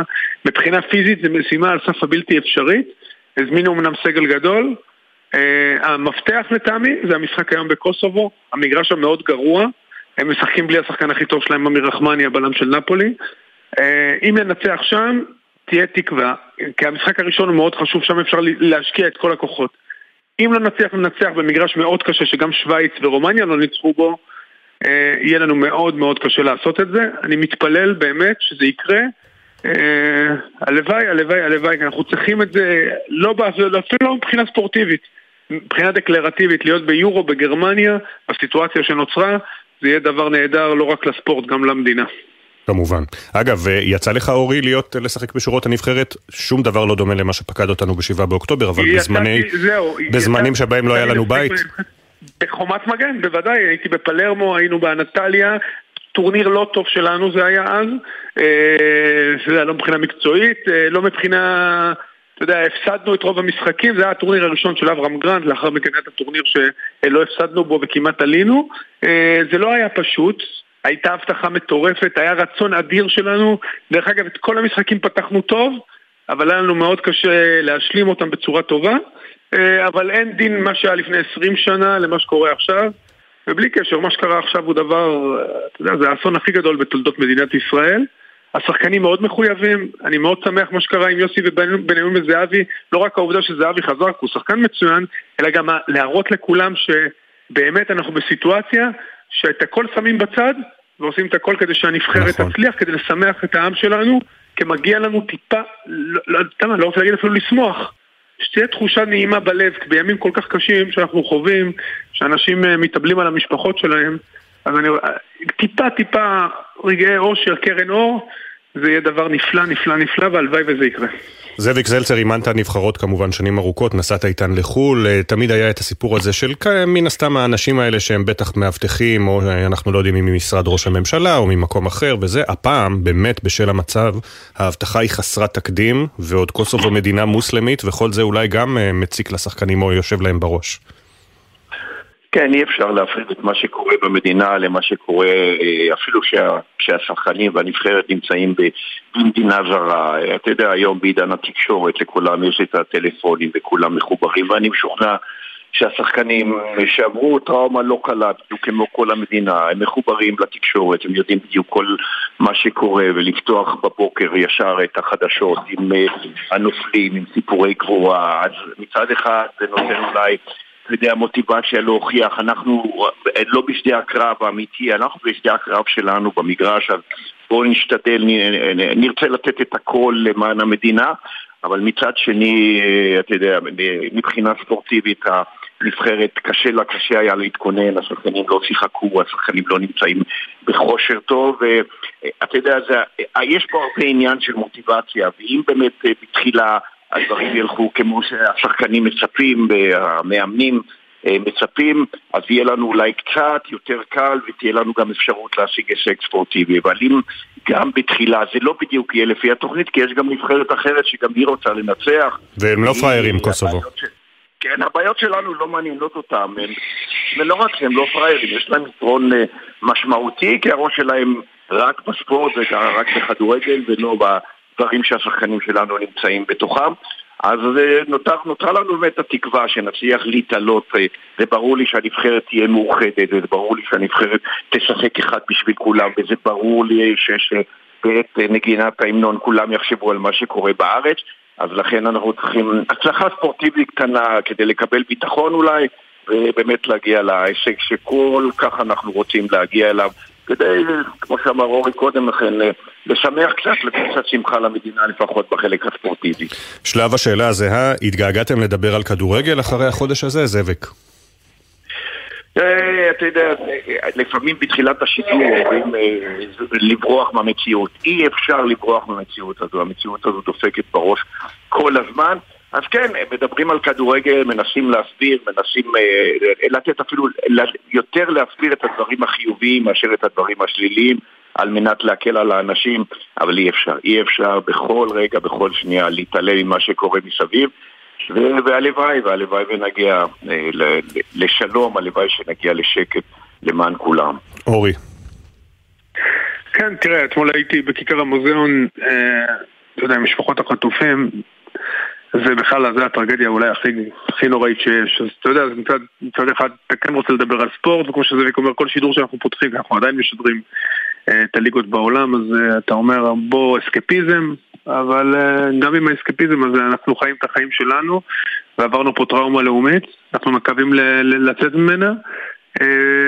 גם אם זה לשעה וחצי, שעה 45, שאנשים קצת יחשבו על דברים אחרים בימים הקשים האלה, ובתקווה שבסוף המשחק הזה באמת, שוב, תהיה הקלה קטנה, אולי תעזור לאנשים לישון טיפה לטיפה ליותר טוב בלילה, אז, אז, אז השחקנים עשו את שלהם והצוות המקצועי.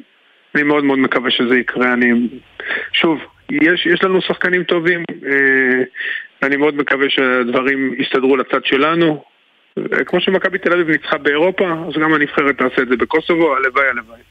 אכן, ורק נאמר אה, לסיום שיחתנו שאנחנו כמובן גם משבחים ושולחים אה, חיבוק ענק לכל השחקנים והמאמנים בעבר, בהווה, שבחודש האחרון התרוצצו בין בתי החולים, במלונות של המפונים, אם זה רן זהבי, סלים טועמה, אפילו ראיתי את בורחה לימה, שרק עכשיו מונה למאמן של הפועל תל אביב, מגיע עם סלים טועמה לעודד אה, פצועים אוהדי הפועל תל אביב. המון, המון המון, ש... כל הכבוד להם. אני בשטח וכל הזמן מסתובבים ורוצים לעזור ולתרום, נקווה שגם ספורטיבית הם יצליחו. אז נקווה ונאחל ונאמר, אלה אל ישראל, כן כן, גם בימים אלה, השידור הערב בערוץ הספורט רבע לעשר, אה, המשחק בין אה, קוסובו לישראל. תודה רבה לשניכם, אה, אורי אוזן וזאביק זלצר, תודה רבה שאפשרתם לנו לדבר קצת על כדורגל, ונאחל כאמור לבחורים בכחול לבן. לפתוח את העשרה הימים האלה עם ניצחון חשוב על קוסובו הערב. מיד, השעה השנייה של בוקר טוב ישראל, יהיה שם גם כדורגל, לא תאמינו, אבל משפחתו של נטע, אוהד ליברפול שרוף, תהיה היום באנפילד. ובתוכניית המשחק תהיה תמונתו, נשמע את הסיפור המלא, מיד חוזרים. בחסות ביטוח ישיר, המציע דחייה בחודשיים של תשלומי ביטוח הרכב למחדשי הביטוח ולמצטרפים חדשים. ביטוח ישיר, איי-די-איי חברה לביטוח, כפוף לתקנון. אתם מאזינים לגלי צה"ל. בהישמע אזעקה בזמן נהיגה, יש לעצור את הרכב בבטחה ולהיכנס מיד למרחב מוגן. בהיעדר מרחב מוגן סמוך, יש להתרחק ככל האפשר מהכביש, לשכב על הקרקע ולהגן על הראש בידיים. בכביש בין עירוני, ייצרו בזהירות בצד הדרך, רחוק ככל האפשר מהכביש, הדליקו אורות חירום, שכבו על הקרקע מעבר למעקה הבטיחות והגנו על הראש בידיכם. לאחר עשר דקות אפשר לחזור לרכב ולהשתלב בזהירות בתנועה. עוד פרטים באתר פיקוד העורף, באתר הרלב"ד ומשרד התחבורה. עכשיו בגלי צה"ל, אפי טריגר, עם בוקר טוב ישראל.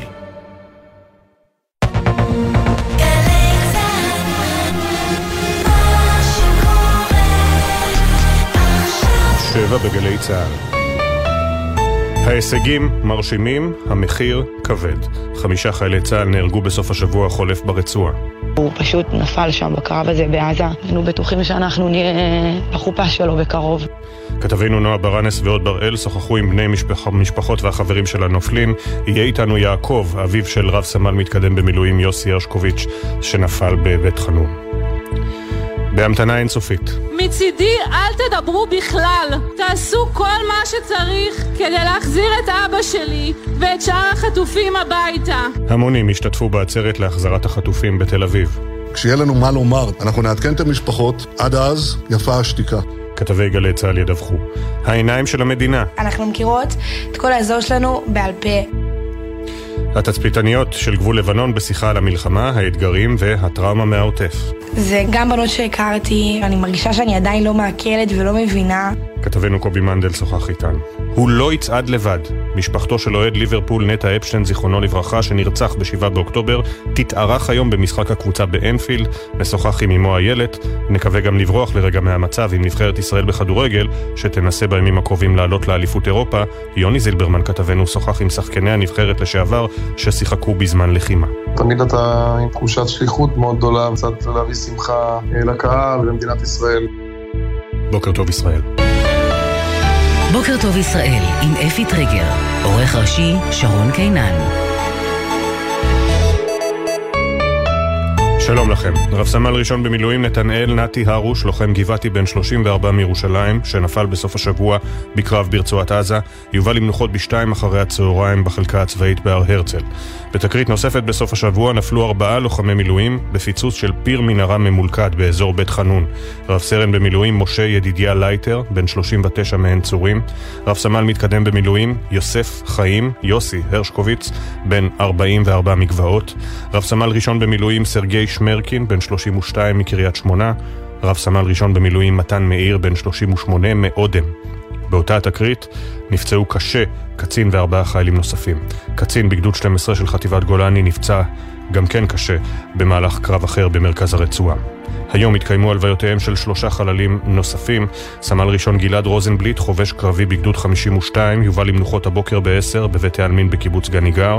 הלווייתו של סמל ראשון יונתן יצחק סמו מכרמי צור, לוחם בגדוד 202 בחטיבת הצנחנים, שנפל בקרב בעזה, תתקיים ב-12 בצהריים בהר הרצל. הלווייתה של סמלת רוני אשל מצור יצחק, תצפיתנית בגדוד 404 שנפלה במוצב נחל עוז ב-7 באוקטובר, תתקיים בשלוש אחרי הצהריים בבית העלמין בכפר סבא. שתי התרעות צבע אדום נשמעו בשעה האחרונה באזור כיסופים שבעוטף, אחרי לילה שקט. אמש ירתה מערכת כיפת ברזל מטרה אווירית חשודה שנכנסה משטח הרצועה. בצפון תקף צה"ל לפנות בוקר תשתיות טרור בסוריה, בתגובה על השיגורים לשטח ישראל אמש. בנוסף, תקף הלילה חיל האוויר מטרות חיזבאללה בגבול לבנון. גם כן בתגובה על שיגורים שביצעו אתמול אנשי הארגון לעבר ישראל. ראש הממשלה בנימין נתניהו הכריז כי צה"ל יישאר בעזה כמה שצריך והבהיר, הרשות הפלסטינית לא תשלוט שם. לא יכולה להיות שם רשות שמשלמת למשפחות של מרצחים, יצטרך להיות שם דבר אחר. אבל בכל מקרה חייבת להיות שליטה ביטחונית שלנו. ראש הממשלה תקף אמש בחריפות את נשיא צרפת עמנואל מקרון לאחר שזה אמר כי ישראל צריכה להפסיק את הרג התינוקות והנשים בעזה. נתניהו אמר, הוא טעה טעות קשה, גם עובדתית וגם מוסרית, לא נותנים חיסיון לטרוריסטים שמבצעים פשע מלחמה כפול, כך ראש הממשלה. גורם מדיני בצרפת הדגיש אמש כי הנשיא מקרון גינה וממשיך לגנות את פעולות הטרור של חמאס. רבבות בני אדם התכנסו אמש במוקדים שונים ברחבי הארץ בקריאה לממשלה להשיב את החטופים בהקדם האפשרי. ראש הממשלה התייחס אמש לדיווחים על עסקה להשבת חלקם ואמר, כשיהיה מה לומר נעדכן את המשפחות ונביא את הדברים לממשלה.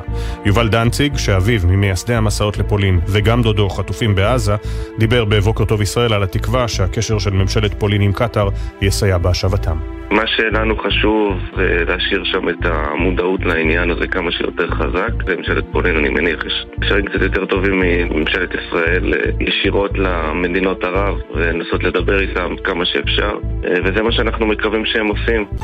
עכשיו גלגלצ והתחזית. בחסות ביטוח ישיר, המציע דחייה בחודשיים של תשלומי ביטוח הרכב למחדשי הביטוח ולמצטרפים חדשים. ביטוח ישיר, איי-די-איי חברה לביטוח, כפוף לתקנון. כביש 6 דרומה, עמוס מעירון עד ניצני עוז, זה העדכון היחיד בשעה זו. מזג האוויר מעונן חלקית עד מעונן, צפוי גשם מקומי, בעיקר בצפון הארץ ובמרכזה, וייתכנו סופות רעמים ושיטפונות בנחלי המזרח. בוקר טוב ישראל עם אפי טריגר.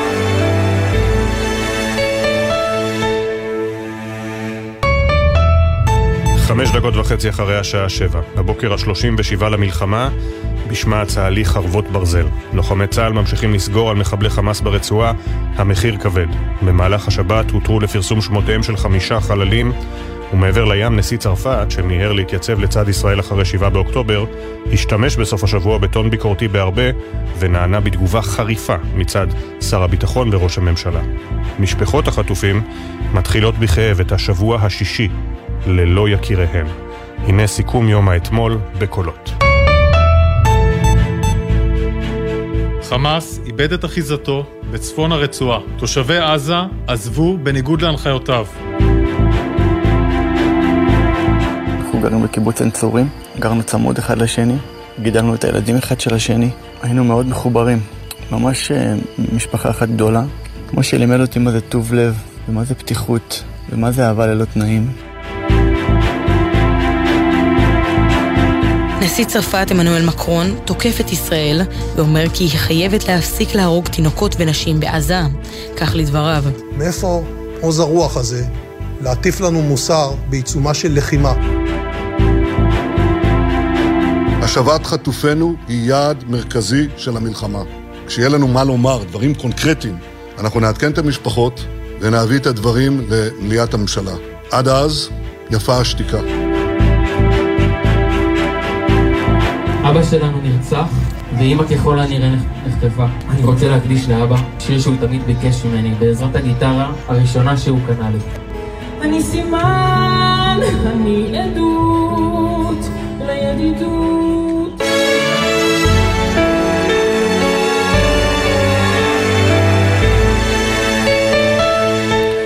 עכשיו 707, רב סרן במילואים משה ידידיה לייטר, רב סמל מתקדם במילואים יוסף חיים יוסי הרשקוביץ, רב סמל ראשון במילואים סרגי שמרקין, רב סמל ראשון במילואים מתן מאיר, הם נפלו אה, בסוף השבוע בפיצוץ מטען בפיר ממולכד באזור בית חנון, פיר מנהרה, במהלך הלחימה בצפון הרצועה. באותה תקרית גם נפצעו קשה קצין וארבעה חיילים אחרים. בקרב אחר בצפון הרצועה נפל רב סמל ראשון במילואים נתנאל הרוש. באותו אירוע נפצע קשה קצין בגדוד 12 בחטיבת גולני. הודעות כמובן נמסרו גם למשפחות הפצועים.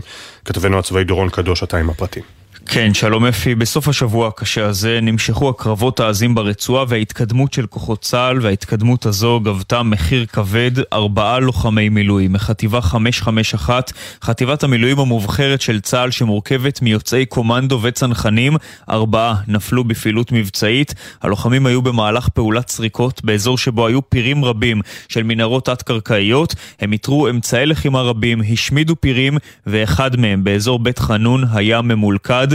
מטען רב עוצמה התפוצץ על הלוחמים וגבה אבדות קשות, ארבעה הרוגים, שישה נוספים נפצעו, חמישה מהם באורח קשה. המפקדים הוקפצו למקום והחל מבצע פינוי וחילוץ של הפצועים. הם פונו באופן רכוב למעבר ארז, הסמוך בצפון הרצועה, משם במסוק לבית החולים שערי צדק בירושלים. שם עדיין מאושפזים הפצועים גם הבוקר, ולפני דקות אחדות עדכנו אותנו בשערי צדק, מצבם מוסיף להיות קשה, אך יציב, הם בטיפול נמרץ, ובנוסף אפי לארבעת לוחמי המילואים שנפלו בבית חנון, בסוף השבוע נפל גם לוחם מילואים נוסף מיחידת הסיוע המנהלתי של גבעתי, יהי זכר הנופלים ברוך. ובמהלך השבת, דורון, שמענו לא מעט על הקרבות באזור בתי החולים בצפון הרצועה, שבהם מתבצרים מתחתם, יותר נכון, מחבלי חמאס. מה מצב הלחימה שם? כן, אז הלחימה מתקדמת באיטיות רבה, אבל מתקדמת השיטה של צה"ל לעבוד לאט וזהיר, ללחוץ יותר ויותר את מרכזי העצבים של חמאס, בעיקר אלה שנמצאים מתחת לבתי החולים. הלחץ הזה עובד, אומרים בצה"ל. אלפים רבים כבר מתפנים מבתי החולים. בשיפא למשל כבר אין עשרות אלפי חוסים, הרוב עזבו. במהלך סוף השבוע התנהלו קרבות עזים בין כוחותינו לבין מחבלי חמאס קרוב מאוד לאזור הזה, אבל צה"ל לא נכנס לתוך בית החולים וגם לא תוקף אותו מהאוויר. הטענות הפלסטיניות שנשמעו בעניין הזה כמובן שקריות. צה"ל מתאם מול מנהל בית החולים מעבר עזיבה בטוח דרך היציאה המזרחית של שיפא, נתיב שמוביל אל ציר המעבר ההומניטרי סלאח א-דין, ושם אפי כבר עברו דרומה יותר מ-200 אלף פלסטינים בארבעת הימים האחרונים. צפון הרצועה מתרוקנת מאזרחים, וחמאס הולך ומאבד את שליטתו באזור. וברקע הקריאות דורון מצד אנשי ימין, בעיקר בממשלה, אבל לא רק להתיישב מחדש בגוש קטיף אחרי המלחמה, ראש הממשלה התייחס לכך אתמול במסיבת העיתונאים. נכון, אז זה לא מעט התייחסויות מעניינות של ראש הממשלה ליום שאחרי, כשקודם כל נתניהו מבהיר כל זמן שצריך, צה"ל ימשיך לשלוט ביטחונית ברצועה. טבח 7 באוקטובר הוכיח סופית, הוא אומר, בכל מקום שבו אין שליטה ביטחונית הטרור חוזר, זה נכון גם ליהודה ושומרון, אומר נתניהו, וזו בהחלט עוד אמירה מעניינת. אנחנו שאלנו אותו על האפשרות שמעסיקה רבים להתיישב חזרה בגוש קטיף. ראש הממשלה דורון קדוש גלי צה"ל, מאחר שיש אה, חלקים בקואליציה שלך, כולל במפלגתך, שמשתעשעים ברעיון, נשמח לדעת האם אתה תומך בהחזרת ההתיישבות היהודית ברצועת עזה במידה כזו או אחרת. אני אשמח להפנות את השאלה גם לשר בני גנץ. לא, לא, אני לא חושב. אני אמרתי שאני רוצה שליטה ביטחונית מלאה בעזה, אני צריך לפרז את עזה. צריך להבטיח שלא יהיה שם, אה, יחזור לשם, אבל אני לא חושב שזה יעד ריאלי. אני אומר את זה בצורה הכי ברורה והכי ישירה. אני חושב שכל ההסתכלות שלנו בכל מה שקשור באחיזה ברצועה, בתוכה וסביבה, צריך להיות מבוצע אך ורק משיקולים ביטחוניים, וזה מה שאנחנו עושים כרגע.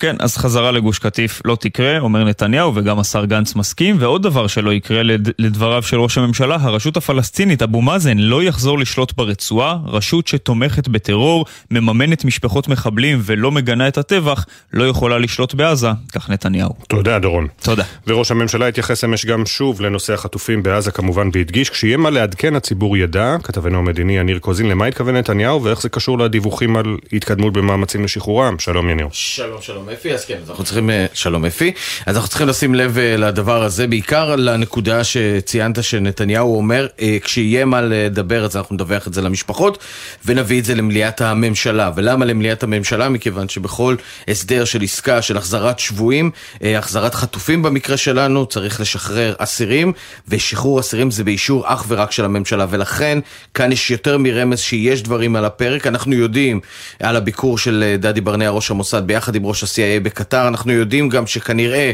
הם עשו את דרכם גם למצרים, כלומר השיחות אפי הם קדחתניות מאוד בנושא הזה, ובכל זאת, גם הבוקר הזה אנחנו ניזהר מאוד לומר שיש עסקה.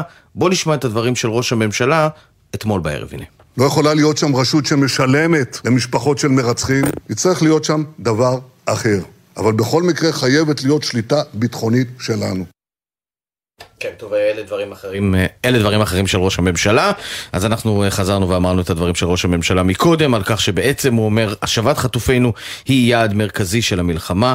כשיהיה מה לומר, נעדכן את המשפחה ונביא את הדברים לממשלה. כאמור, אומר נתניהו, עד אז יפה השתיקה. אנחנו נקווה שאכן המגעים האלה והניסיונות האלה בהחלט יביאו בסופו של דבר לתוצאה הרצויה.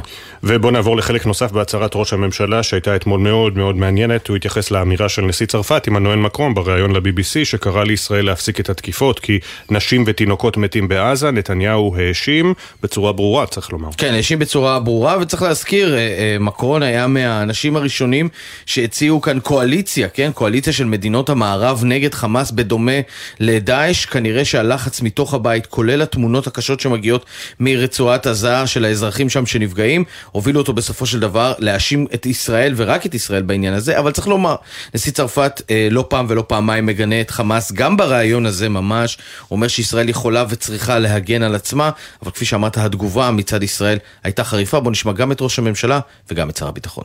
הוא טעה טעות קשה, היא גם טעות עובדתית וגם טעות מוסרית. ואני אומר לנשיא צרפת ואני אומר גם לידידינו האחרים, זה יגיע אליכם, ולכן צריך לקבוע לא רק קו של מלחמה, צודקת מאין כמוה, אלא גם קו מוסרי צודק מאין כמוהו, שלא נותנים חיסיון לטרוריסטים שמבצעים פשע מלחמה כפול. מאיפה עוז הרוח הזה להטיף לנו מוסר בעיצומה של לחימה? כן, כך ראש הממשלה ושר הביטחון. ועוד דבר אחד, הזכרת את זה מקודם עם דורון, אז כנראה שגם מקרון וכנראה גם האמריקנים לא אהבו את האמירה אתמול של נתניהו על כך שרשות פלסטינית שמסייעת למשפחות מחבלים, רשות פלסטינית שמלמדת את ילדיה להסתה, רשות פלסטינית לא יכולה להיות ברצועת עזה, צריך להיות משהו אחר. זה לא מה שהאמריקנים שומעים בחדרים הסגורים, זה לא מה שהאמריקנים מצפים, וגם לזה כנראה יהיה מחיר, מחיר מדיני. תודה, יניר. תודה. חמישה שמות, חמישה עולמות, חמישה חיילי מילואים שנפלו בקרב. צה"ל פרסם אמש את שמותיהם של רב סמל ראשון מתן מאיר, רב, סמל, רב סרן משה ידידיה לייטר, רב סמל מתקדם יוסף חיים הרשקוביץ, רב סמל ראשון סרגי שמרקין ורב סמל ראשון נתנאל הרוש, שנפלו ברצועת עזה. כתבינו הוד בראל ונועה ברנס שוחחו עם קרוביהם ושמעו מי היו בחייהם, על מה חלמו, חלומות שאת חלקם כבר לא יזכו להגשים. כבר שש שבתות שבכל בית בישראל דואגים לבן הקצין, לבת הלוחמת, שמוצבים בכל הגזרות. השבת, הבשורה הנוראית, הגיעה לחמש משפחות. הוא הוציא סטיקר, מתן מאיר יוצא לחופש הגדול, הדביק אותם בעשרות מקומות בארץ, סיים את הצבא, הוציא חולצה, וסוף סוף מתן יוצא לחופשי, שם בתוך עזה הוא כל הזמן ביקש להיות מקדימה, רצה להיות משמעותי. ערן נזכר בחבר הילדות שלו, רב סמל ראשון במילואים מתן מאיר, בן הש... 38 שנולד וגדל כל חייו במושב אודם ברמת הגולן. שנים שהיה חקלאי ולאחרונה עבד בהפקות טלוויזיה מצליחות, בהן הסדרות השוטרים ופאודה. בשישי, מתן וחבריו לעוצבת חיצי האש סרקו אחר פירי מנהרות באזור בית חנון בצפון רצועת עזה, עד שמטען רב עוצמה התפוצץ בפתח אחד הפירים הממולכדים. הם נפלו יחד ארבעה, מתן, משה, יוסי וסרגי. סרגי הוא אדם של נתינה, הוא מצא זוגיות במשרד. עוד מישהי מהצוות שלנו. וסרגי סיפר לחבר שלו שהוא הולך להציע למאי אחרי המלחמה. פשוט שובר את הלב לראות אדם כזה שעולה לארץ בגיל 11 עם הורים שבקושי מדברים עברית, דואג להם. היינו בטוחים שאנחנו נהיה בחופה שלו בקרוב. אסתר ועמרי, חבריו הטובים מהעבודה בקריית שמונה, כבר לא יגיעו לחופה של רב סמל ראשון במילואים סרגי שמרקין. הוא לא הספיק להציע אחרי המלחמה למאיה אהובתו נישואין. שצילמו הלוחמים לפני הקרב, בולטים במיוחד החיוכים של סרגי ורב סרן במילואים, משה לייטר, עומדים זה לצד זה. לייטר, מפקד פלגה בשלדג, היה אמור בכלל להתחיל היום את ההתמחות שלו בלימודי רפואה. חברו הקרוב והשכן הצמוד מקיבוץ עין צורים, אורן קינן, סיפר על האב שהיה לששת ילדיו. תמיד קינאתי בו, על איזה אבא הוא, כמה הוא עם הילדים, עף עליהם וגאה בהם ומעצים אותם, אוהב אותם, גרנו צמוד אחד לשני, גידלנו את הילדים אחד של השני, היינו מאוד מחוברים, משפחה אחת גדולה. כמו שלימד אותי מה זה טוב לב ומה זה אהבה ללא תנאים. אמו נפל, חברו לפלוגה, רב סמל מתקדם יוסי הרשקוביץ, אב לחמישה, ומנהל בית הספר אורט פלך בנים בירושלים. יוסי היה איש חינוך מוערך שעמד בראש אין ספור מיזמים. בין לבין התנדב לנגן בכינור למאושפזים בבתי חולים. יוני פסדר, סגנו ומנהל חטיבת הביניים בבית הספר, ספד לו. הוא ידע לנהל בית ספר דרך האנשים. כל מורה ומורה שהיו בתקופות קשות, הוא גם ראה את זה וגם נתן על זה פתרון. אהוב על כולם, אוהב את כולם. ארבעתם נפלו יחד. בפעילות מבצעית אחרת בצפון הרצועה נפל בשישי רב סמל ראשון נתנאל נתי הרוש, לוחם ביחידת הסיוע המינהלתי בחטיבת גבעתי. שבוע בדיוק לפני מותו, חברו לישיבת ההסדר, דביר בר רבי פגש אותו. רצה הגורל ונפגשנו בשישי. אני שואל אותו מה להביא לך, והוא עונה בנחישות כזו של לוחמים, לא צריך, יש הכל. רק תבוא ועם מצב רוח. הוא משתף במורכבויות שיש ברצועת עזה, ואתה שומע את הקושי, אבל אתה שומע גם איך הוא תמיד עשה הכל, הכי טוב שאפשר, למרות כל האתגרים מסביב. הדפיקה בדלת הגיעה השבת לבתיהן של חמש משפחות, ששילמו עבורנו את המחיר הכבד ביותר. מצטרף אלינו יעקב הרשקוביץ, אביו של אה, יוסף חיים, רב סמל במילואים יוסף חיים, יוסי הרשקוביץ. שלום יעקב. אנחנו כמובן משתתפים בצערכם, בצער המשפחה, על נפילתו של יוסי. תודה, תודה. אני יודע שהשעה קשה, אה, אם אתה יכול לספר לנו עליו. אה, יש כל כך הרבה, אבל יוסי היה ילד הכי רגיל, הכי שטותניק, הכי מדהים, הכי יפה. לא תלמיד גאון, הכי לא, אבל ילד עם לב ענק, עם אהבת חיים, עם נתינה אינסופית. התקדם והגיע לגיל הצבא, הלך לשייטת, כתוצאה מבעיה רפואית הוא נפל, המשיך לסיירת צנחנים. התחתן, בנה את היישוב אביגיל בדרום הר חברון, וביחד עם חברו הטוב אלישע, שכולנו נתפלל לשלומו, אה, הוא נהרג, אלישע נפצע. יוסי היה איש חינוך ממדרגה ראשונה, הוא למד אה, תואר ראשון, מזרחנות, תואר שני, לימודי יהדות וחינוך. למד את כל מערכת החינוך של, אה, את כל הקטע של אה, ראש על גולה, מה שנקרא למנהלים. ניהל את בית הספר, היה בעל מדהים, אבא לתפארת לילדים, בן שהיה יהלום שבכתר, גם להורים וגם לסבים ולסבתות שאינם כבר. איש שחקר היסטוריה, איש שהאמין בצדקת הדרך כשהוא יצא למלחמה הזאת. הרגיש שעם ישראל מושפל, וצריכים להחזיר את הגאווה לעם ישראל. הייתה לו מאוד מאוד קשה השנה האחרונה, שכל הוויכוחים שהיו בתוכם, בזמנו החופשי מאותו ילד הוא למד כינור, לדוגמה, בחתונה, הוא החליט שאני מחפש אותו בסביבות השעה שלוש, ממש אותו חתונה. אז הוא אומר לי, אבא, תמתין עוד, עוד קצת, אני מנגן לחולים בהמת האונקולוגיה בהדסה. ביום החתונה. היום יהיה לי שמח, אני... ביום החתונה. היה לי, יהיה לי יום שמח, אני רוצה שגם להם יהיה שמח. אז זה יוסי. זה, זה, זה, זה מה שהוא היה. אהב את כולם, תמך בכולם. מכתב אחרון שקיבלתי באיזשהו חתיכת נייר מרופט, מאמין בצדקת הדרך.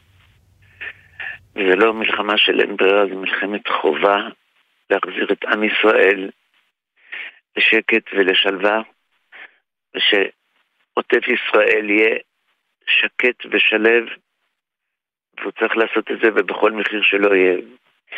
אם יש מחיר שהוא צריך לשלם, אז הרצל זה גם בסדר. את זה הוא כתב לך במכתב האחרון שקיבלת ממנו מהמילואים, מהמלחמה. זה במכתב האחרון שהוא שלח לי.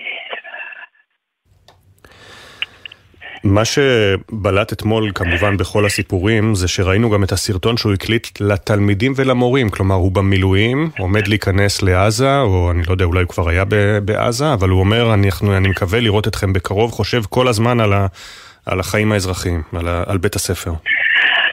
אני לך, אני אתן לך דוגמה, הוא עבד לפני שהוא היה מנהל, הוא עבד באחד הבתי ספר היותר קשים בירושלים, ואני לא אנקוב בשמו. היו שם תלמידים שלא יכלו לעשות תעודת בגרות כי ההורים לא רצו לשלם כסף, כי זה לא עניין אותם. היה בא אליי, אבא תדאג שיהיה לי כסף. צריך להעביר את הילדים האלה לבגרויות. הם חייבים להיות בני אדם, הם חייבים להיות בתוך החברה. אז היינו הולכים ועושים לו כסף כדי שיעביר את התלמידים בגרויות. לאחרונה היה לו תלמידים שהיו מאוד מאוד קשים, היו כבר עם תיקים. והוא הבטיח להם שהם יהיו חיילים בצבא ההגנה לישראל, וכשהם יסיימו קורס מ"כים הוא יגיע.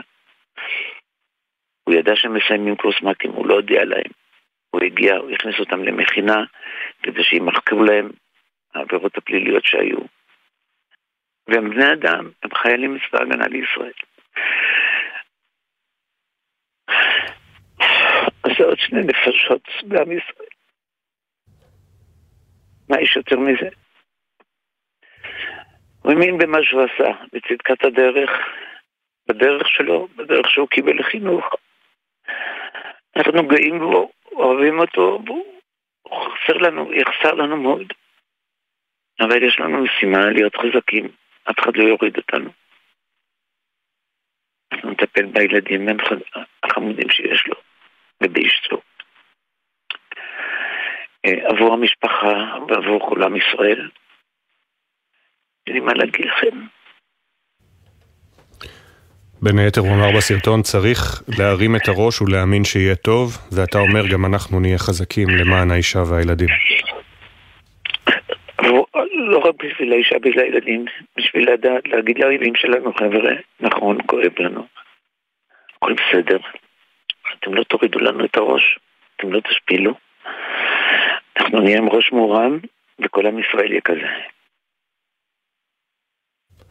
יעקב, אני מאוד מודה לך שאתה מדבר איתנו בשעה הקשה הזאת. אנא שוב מסור את אה, תנחומינו למשפחה ולחברים. תודה רבה שדיברת איתנו, שחלקת איתנו קצת לכם. על יוסי. תודה. תודה לכם. שבע עשרים וחמש. הבוקר מתחיל השבוע השישי למלחמה, כבר שלושים ושבעה יום מ-7 באוקטובר, ועדיין 239 ישראלים חטופים בעזה.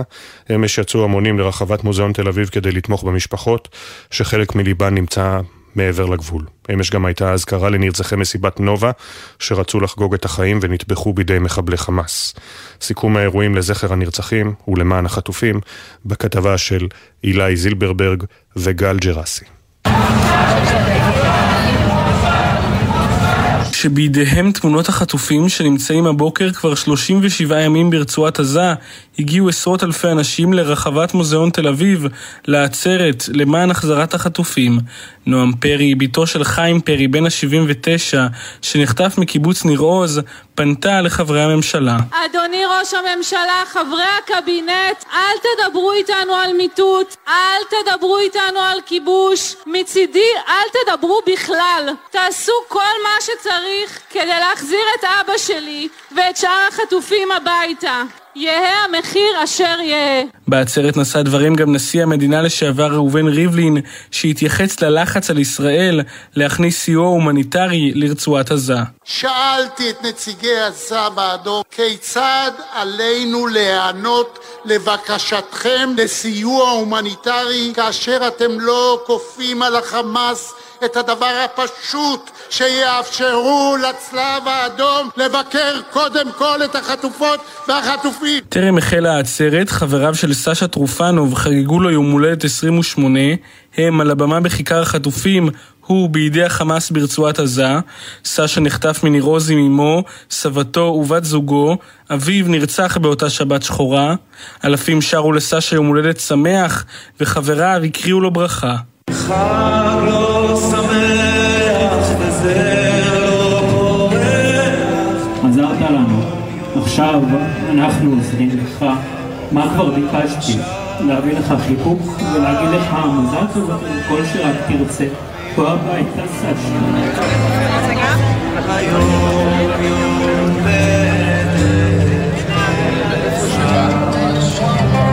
את האירוע חתם שלמה ארצי בשירו "יותר מזה אנחנו לא צריכים", שמילותיו נוגעות מאי פעם. את הגשם תן רק בעיתו, ובאביב פזר לנו פרחים. ותן שיחזור שוב לביתו, יותר מזה אנחנו לא צריכים. עם סיום העצרת בתל אביב החל אירוע נוסף בשדות ים. מאות פנסים הודלקו לזכרם של יותר מ-200 מבלים שנרצחו במסיבת הטבע נובה. כבר כמה שבועות שבמקום פועל כפר שיקום לניצולי הטבח במסיבה. מארגני מסיבת הטבע ברעים סיפרו, לא עלה בדעתנו שהאירוע לא בטוח. האירוע הזה נעשה ב... אישור ברישיון ומתוך הבנה שאנחנו בטוחים בכל מקום במדינת ישראל ולא משנה איפה כי יש זכות לקיים כל אירוע, כל דבר, כלשהו, בכל מקום. בכיכר פריז בירושלים התקיימה עצרת לזכר הנרצחים ולמען החטופים, מאות השתתפו בה, משפחות הנרצחים נכנסות לעוד שבוע של ניסיון להתרגל לחיים החדשים, משפחות החטופים נכנסות לשבוע נוסף של מאבק להחזרת יקיריהן.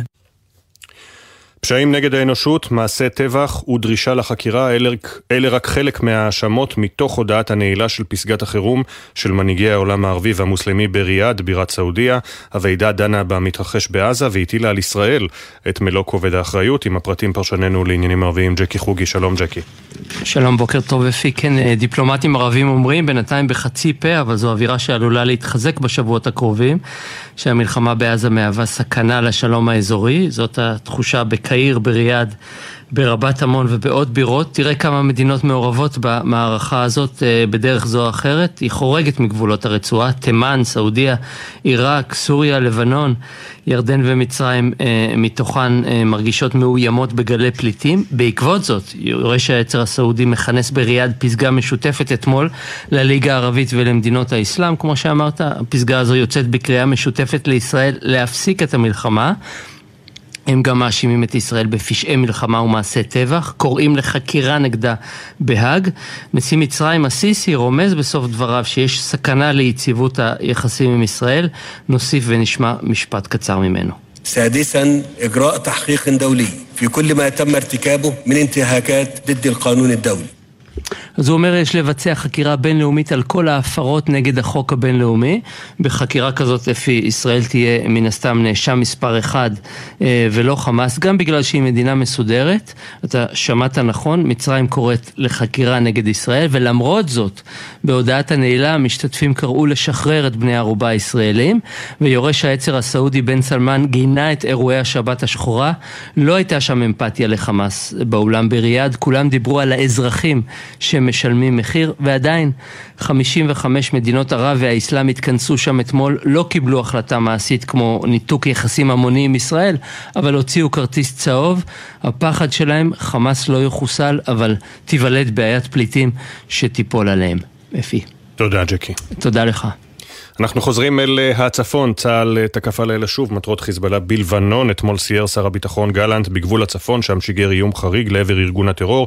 לאחר מכן חזר עליו במסיבת העיתונאים המשותפת. כתבנו הצבאי דורון קדוש, גלנט התייחס לתרחיש מלחמה אפשרי עם לבנון והתחייב, מה שעשינו בעזה נדע לעשות גם בביירות. נכון, אפי, אז כן, הלילה תקיפות של חיל האוויר בזירה הצפונית, אגב, בשני צדדיה, גם לבנון וגם סוריה, כי מסוריה שוגרו רקטות לעבר הגולן, צה"ל תקף בתגובה תשתיות באמת החזית המשמעותית יותר היא כמובן לבנון, שם נרשמו אתמול אירועים רבים מאוד של ירי פצמ"רים, טילי נ"ט, רקטות, כטב"מים לאורך כל היום. חיזבאללה ממשיך להסלים את פעולותיו, הוא שיגר אתמול שוב כמה רקטות מסוג בורקן, אלה רקטות עם ראש נפץ כבד של 300 קילוגרם, מסוג שיכול להסב נזק רב מאוד אם הוא נופל במקום הלא נכון. נסראללה אפילו התגאה בכך בנאומו, וגם הפעולה הישראלית מנגד הייתה חריגה בסוף השבוע, תקיפה אווירית של משגי רקטות במרחק 40 קילומטר מהגבול באזור צידון, 40 קילומטר עם כל המשמעויות ההיסטוריות כמובן, ואתמול לפי שר הביטחון גלנט ביקר בגבול הצפון והזהיר, מלחמה עם לבנון עלולה להתרחש. אני אה, אומר כאן לאזרחי לבנון, אני כבר רואה את האזרחים של עזה הולכים עם דגלים לבנים לאורך החוף ונעים דרומה.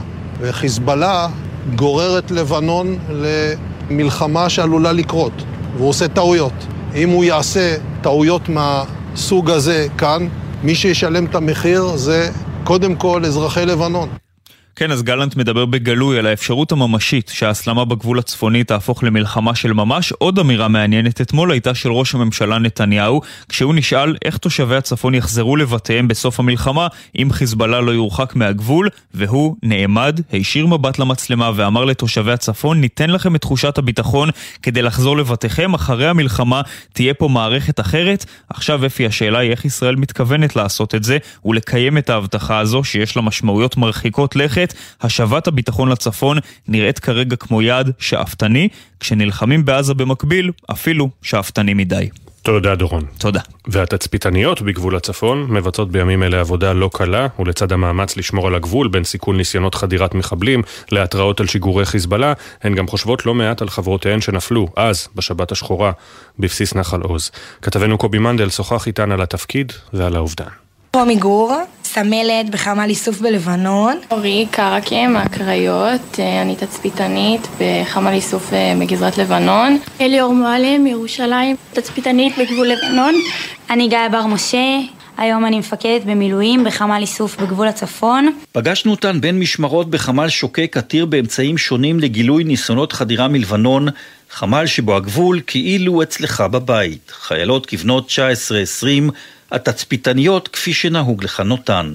הן אלה שגם יודעות כי רבים מאוד מהתושבים מגבול הצפון ישנים בשקט הרבה מאוד בזכותן.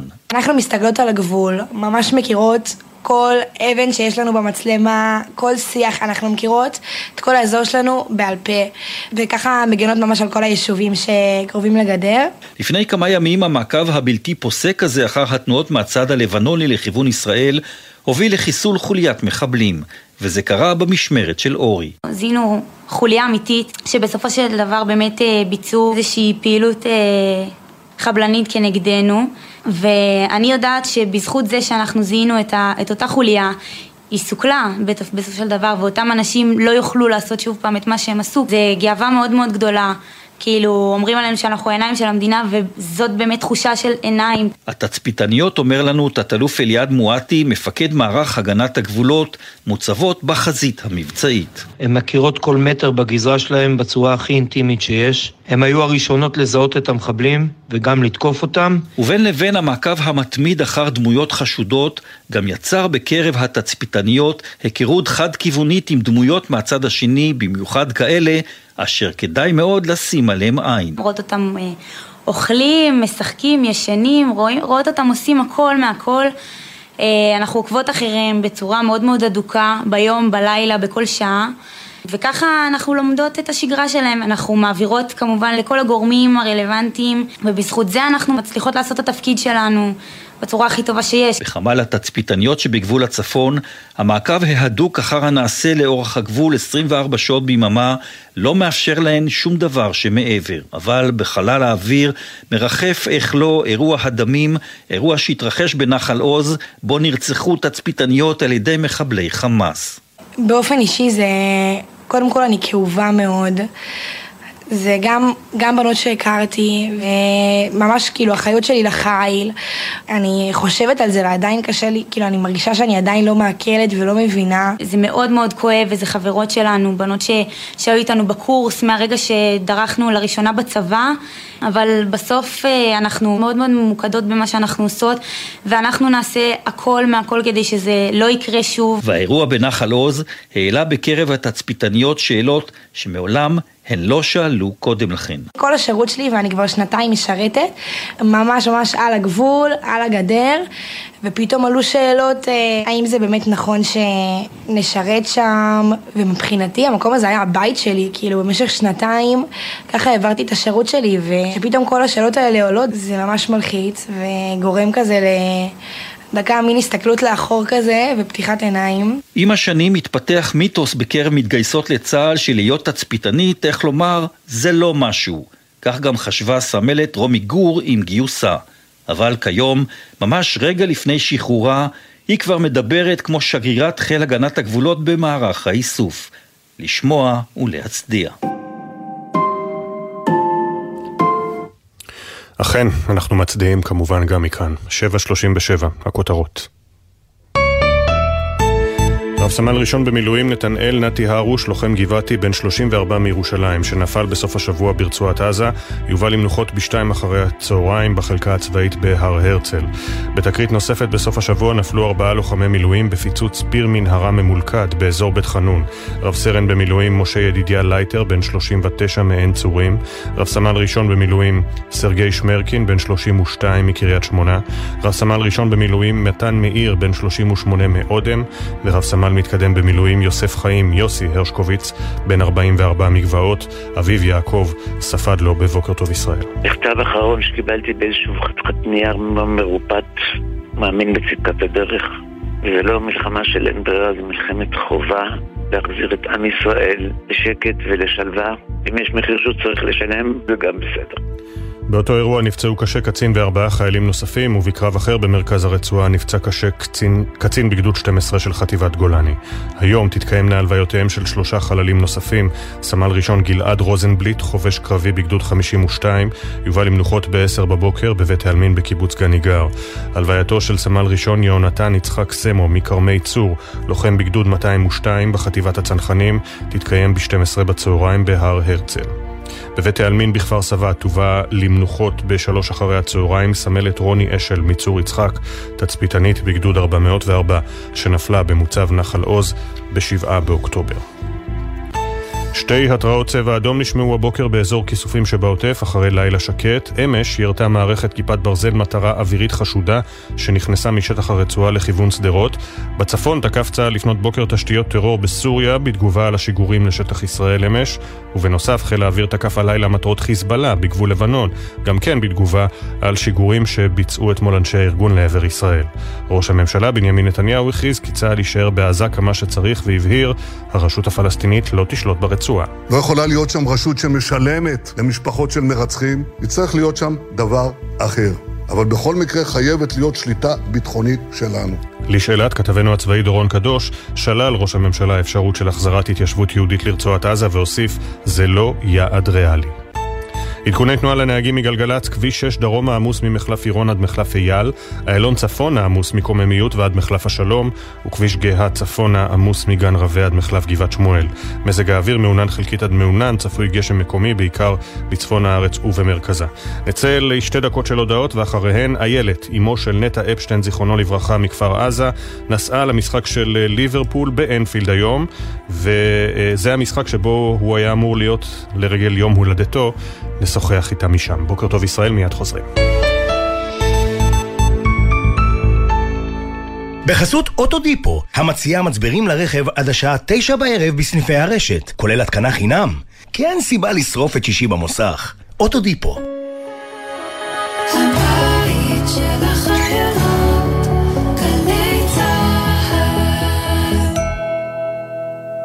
אם התפניתם מבתיכם מכוח החלטת הממשלה, יש לכם כתובת. משרד התיירות מפעיל מערך המספק לכם פתרון אירוח במימון מלא. למעדיפים פתרונות שהייה שאינם בהסדר המדינה, אנו מציעים מענק של 200 שקלים למבוגר ו-100 שקלים לילד עד גיל 18 לכל יום ממועד הפינוי הרשמי ועד החזרה לשגרה. מדובר בסכום של 18,000 שקלים ל-30 יום למשפחה של 4 נפשות. לפרטים נוספים ולהגשת בקשה, היכנסו לאתר אתר הביטוח הלאומי, משרד התיירות, הכתובת שלכם בדרך לניצחון. אוניברסיטת בר אילן הקימה למען הקהל הרחב קו חם לתמיכה רגשית. פסיכולוגים ועובדים סוציאליים כאן בשבילכם. חפשו בגוגל הקו החם בר אילן. עם ישראל, הביטוח הלאומי הוא מגן הזכויות שלכם, ואנחנו כאן בשבילכם גם כדי להגן על הנפש. אם אתם חשים חרדה או מצוקה נפשית שמקשה עליכם בתפקוד היומיומי, הביטוח הלאומי מממן לכם טיפולים אישיים אישיים, זוגיים או משפחתיים, עם מטפלים מומחים ובלי בירוקרטיה. כל מה שצריך לעשות הוא לפנות אל מרכזי החוסן והמרפאות המטפלות ולקבל את הסיוע שאתם זקוקים לו. הביטוח הלאומי מחבק אתכם ועומד לצדכם גם ברגעים האלה. לפרטים נוספים ייכנסו לאתר הביטוח הלאומי. במטרה לחזק את הביטחון האישי של האזרחים, המשרד לביטחון לאומי ומשטרת ישראל ממשיכים להקים ברחבי הארץ מאות כיתות כוננות משטרתיות מצוידות באלפי כלי נשק. בואו להתנדב למשטרה ולשמור על הבית של כולנו. להצטרפות לכיתת הכוננות במקום מגוריכם, פנו לאתר גיוס המתנדבים של משטרת ישראל, או חייגו 076-811-5211. ישראל מתחמשת, שומרים על הבית. את הליך הגיוס מנהלת משטרת ישראל בהתאם לתנאי הסף שנקבעו. מגיש, המשרד לביטחון לאומי. מאחורי השמות, בוקר טוב ישראל חולקת כבוד לנרצחים ולנופלים. תמיד עם חלומות משוגעים, חיוך ממזרי וחולצה להחלפה. וחלמה לעזור לילדים עם מוגבלויות באמצעות תרפיה עם כלבים. מפעל חייו היה הרפת. בכל בוקר נספר משהו קצר, פרט מידע, אירוע או חוויה שישפכו אור על מי שהיו ואינם עוד. בני משפחה וחברים המעוניינים לחלוק עמנו בסיפורים ובתמונות מוזמנים לעשות זאת באמצעות הדואר האלקטרוני זיכרון כרוכית glz.co.il מאחורי השמות, מדי יום ביומן הבוקר של גלי צה"ל עם אפי טריגר. עכשיו בגלי צה"ל, אפי טריגר, עם בוקר טוב ישראל. 7.43. בין החטופים ב-7 באוקטובר היו גם לא מעט עובדים זרים. אחד מהם הוא ביפין ג'ושי מנפאל, סטודנט לחקלאות, שבתושייה רבה הציל את חבריו מרימון שהשליכו לעברם מחבלים בקיבוץ עלומים. מאז נעלמו עקבותיו, כתבנו שי ישראל שוחח עם החברים שניצלו ועם משפחתו בנפאל. אנחנו רוצים את ביפין. אלה הקריאות שנשמעו בהפגנה שנערכה במחוז קנצ'פור בנפאל לפני כשבוע בהשתתפות 300 איש. ביפין ג'ושי הוא סטודנט חקלאות מנפאל, שבא ארצה לפני כחודשיים להשתלמות חקלאית בקיבוץ עלומים שבעוטף. ואז הגיע 7 באוקטובר.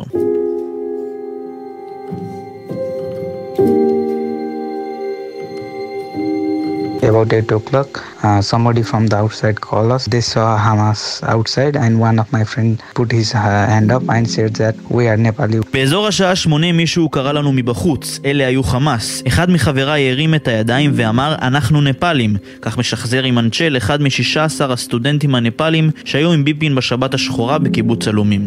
And then they throw the grenade into uh, into the shelter and uh, one one grenade is uh, thrown out by Bipin Bipin and uh, one one is exploded there and five of us uh, our friends were got injured ואז הם זרקו שני רימונים לתוך המקלט, את אחד מהם ביפין זרק חזרה, והשני התפוצץ בפנים. חמישה חברים שלנו נפצעו. בגבורה יוצאת דופן, לפי עדות חבריו, הציל ביפין את חייהם, רגעי האימה נמשכו גם בשעות שאחר כך. after uh, one and a half hours uh, they broke down the door and uh, came inside the bunker and uh, they started shooting at us out of 10 seven of us got shot and uh, two of us got survived and they take Bipin with uh, I think three Thai people כעבור שעה וחצי הם פרצו את הדלת ונכנסו למקלט והתחילו לירות בנו. מתוך עשרה, שבעה נורו ושניים מאיתנו שרדו. והם לקחו את ביפין עם שלושה תאילנדים. זו עדותו של אימנצ'ל, חברו של ביפין ג'ושי, מהיחידים ששרדו את התופת של חמאס.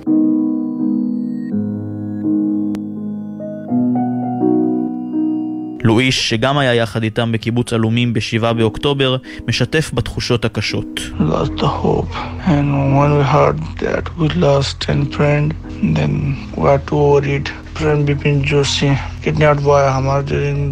We want to back to Nepal again. איבדנו את התקווה. שמענו שאיבדנו עשרה חברים. אנחנו דואגים מאוד לביפין ג'ושי, שחמאס חטפו אותו. הדבר היחיד שאנחנו רוצים זה שהוא ישוב לנפאל. משפחתו של ביפין ג'ושי עובדת עצות. שום גורם ישראלי לא יצר איתם קשר. שוחחנו עם אחותו באומיה. We are going through the worst time of our life. I literally don't have any idea what my brother might be facing. It has been one month.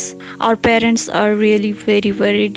We are not even in contact with Israeli officials directly. זו התקופה הכי קשה בחיינו. אין לי מושג מול מה הכי מתמודד. עבר יותר מחודש, ההורים שלנו מודאגים מאוד, אנחנו אפילו לא בקשר עם גורמים ישראלים ישירות. אנחנו יודעים על לפחות עשרה נפאלים שנרצחו, וגורלו של ביפין ג'ושי עדיין לא ידוע. חבריו קוראים לו גיבור אחרי שהשליך את רימון החמאס בתעוזה, אך למרות מאמציהם הרבים, לא התקבל עדיין שום סימן חיים מהשבי. אחותו מספרת לנו על הגעגוע. We want Bipin Joshi to be with us as soon as possible. I am missing him a lot. אני מתגעגעת אליו מאוד, אנחנו רוצים שביפין ג'ושי יהיה איתנו בהקדם. וזו רק דוגמה אחת למצוקות משפחות הזרים שיקיריהם נרצחו או נחטפו. המחיר הכבד וגם חוסר האונים רחוק מן הבית.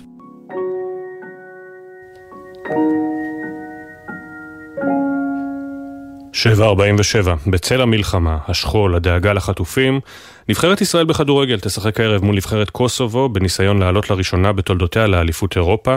ארבעה משחקים צפויים להיערך בסך הכל בעשרת הימים הקרובים. בעקבות המלחמה הנבחרת תארח את משחקיה הביתיים בהונגריה. המבינים בספורט ובכדורגל אומרים שהמשחק הערב הוא המפתח ואם ננצח בו אז בהחלט הסיכויים יגברו לעלייה ליורו. כתב הספורט יוני זילברמן חזר לפעם הקודמת שבה נבחרת ישראל אירחה את משחקיה רחוק מהבית. האווירה הייתה סוריאליסטית, זו הרגשה בגדול אם זה לא משחק נפרד שזה משחק אימון. 20 שנה עברו מאז הפעם האחרונה שבה נבחרת ישראל בכדורגל נאלצה לארח את משחקיה הביתיים מחוץ לישראל. בתקופת האינתיפאדה השנייה החליטה וופא לאסור על קיום משחקים בינלאומיים בארץ, ומשחקי הבית של ישראל במוקדמות אליפות אירופה לשנת 2004 נדדו לאיטליה ולטורקיה. בלם הנבחרת אז אריק בנאדו נזכר. בפלרמו אני זוכר שכמעט ולא היה קהל, ההבטחה הייתה מטורפת, אני זוכר את האיטלקים שם עם מסוקים. לא תחושה הכי נעימה. מצד שני, אתה יודע, אתה תמיד אתה עם איזה תחושת שליחות מאוד מאוד גדולה, קצת להביא שמחה אה, לקהל ולאנשים ולמדינת ישראל. הנבחרת שהוגרלה לבית עם אלופת אירופה המכהנת צרפת ועם נבחרות סלובניה, קפריסין ומלטה, סיימה את המסע בניצחון ביתי אחד בלבד ובהדחה מהמקום השלישי. עמרי אפק שכבש לישראל נגד צרפת בפלרמו, הודה כי המצב המיוחד פגע בסיכויי ההעפלה של הנבחרת. בסוף זה קצת שיבש לנו גם את האמונה שאפשר גם להעפיל. פתאום הבנו שאנחנו מגיעים לסיטואציה של משחק בית, ואנחנו לא מכירים את הסביבה, לא את ההכנה, לא את האיצטדיון, שרים את ההמנון מול 200-300 איש באיצטדיון של עשרות אלפי אנשים. החל מהערב, ארבעה משחקים בתשעה ימים. זה מה שמצפה לנבחרת ישראל בניסיונה להעפיל לראשונה בהיסטוריה לאליפות אירופה. הפעם ביתה הזמני של הנבחרת בשניים מהמשחקים יהיה בהונגריה. הקפטן אלי דסה מקווה שהפעם העבודה תושלם. אנחנו כרגע בשליחות אה, מדינת ישראל. אנחנו פה לייצג את המדינה, לייצג את החיילים שלנו, לייצג את החטופים שלנו, את המשפחות שלנו ואת כל עם ישראל. אנחנו פה חדורים, אנחנו לא מחפשים להתנתק, אנחנו מחפשים לקחת את זה איתנו למגרש ולמנן את זה למקום שיביא אותנו לביצוע הטוב ביותר. ועכשיו, נטע אפשטיין, זיכרונו לברכה, היה אוהד שרוף של ליברפול. בכלל הוא אהב כדורגל, היה שוער של שועלי הכפר, קבוצת הכדורגל של קיבוץ כפר עזה. לכבוד יום הולדתו ה-22, שחל uh, שלשום, חברתו אירן קנתה להם כרטיסים למשחק באנפילד, המקדש של ליברפול. ביקורת רבה הושמעה נגד קבוצת הפאר האנגלית לאחר ששתקה אל מול הזוועות שהתרחשו בעוטף, ונטע כבר לא יכול להגיע עם חברתו למשחק כי הוא קפץ על רימון כדי להציל את חייה במהלך השבעה באוקטובר ושילם בחייו. הבוקר אנחנו משוחחים עם אמו של נטע זיכרונו לברכה, איילת אפשטיין, שנמצאת כעת בליברפול. בוקר טוב איילת. בוקר טוב, שלום. ושלום לטייס אל על, אורן ראובני, קרוב אה, משפחה שנמצא בארץ. שלום, בוקר טוב אפי, בוקר טוב איילת. יום מרגש מאוד איילת היום באנפילד. כן, כן. זה הולך להיות משחק אה, חשוב מבחינת הקבוצה נגד ברנדפורד. אה, פה כולם מאוד בטוחים ביכולת של הקבוצה ואמרו לי ש... צפוי להיות ניצחון סוחף, אנחנו מקווים שכך יהיה. והסיפור, התמונה של נטע מופיעים בתוכניית המשחק. כן, כן, כן, זה ממש מדהים, מחווה מרגשת ביותר. אמ, קיבלנו את התוכניה, אה, כל אחד מאיתנו, וגם צעיף של הקבוצה. אה, אירחו אותנו פה, אה, המועדון. אז כן, ממש, ממש מרגש, יוצא דופן. בואי נחזור אחורה. אירן, החברה של נטע, רצתה להפתיע אותו ביום הולדתו, טיסה לאנגליה, ותוך כדי הטיסה, או רק אחרי שנוחתים, היא תגלה לו שיש להם כרטיסים למשחק של ליברפול, הוא אוהד שרוף, ואז הגיעה השבת הנוראה, 7 באוקטובר. כן. אמ, נטע היה אמור לחגוג 22 אה, בתשעה בנובמבר, אמ, כבר לפני שלושה ימים. אה, ואירן אה, תכננה בשבילו הפתעה מדהימה. אה, ליום הולדתו. אה, היא קנתה לו זוג כרטיסים למשחק וזוג כרטיסי טיסה והיא לא סיפרה לו כלום, היא כן אה, הכניסה אותי בצד העניינים כדי שאני אעזור לה לוודא שהוא לא עובד ביום הזה ושהכל יהיה בסדר.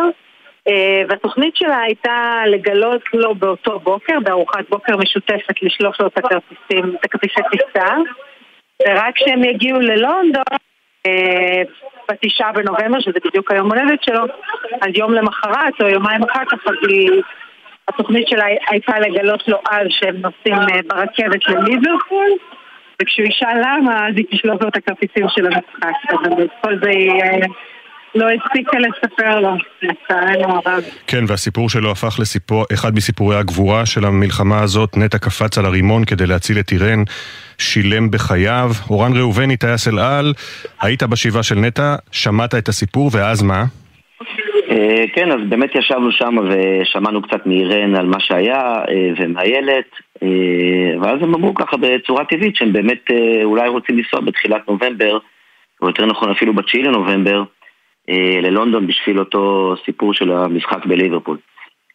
עכשיו בתור משפחה שטסה באלעל, בתור אני כטייס באלעל, היה לי מיד מאוד ברור שאין דבר יותר יפה, טבעי, מרגש ומשפחתי מזה שאני אוכל להטיס אותם איתי בטיסה ללונדון.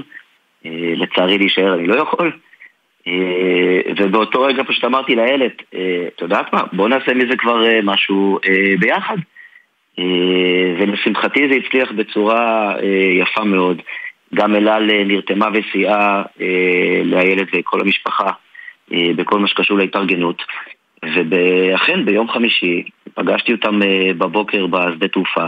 זה היה מאוד מאוד מרגש, אה, משפחה מדהימה, שאנחנו נפגשים אה, קבוע מזה 20 שנה בערך אחת לשנה למפגש משפחתי בתחילת נובמבר.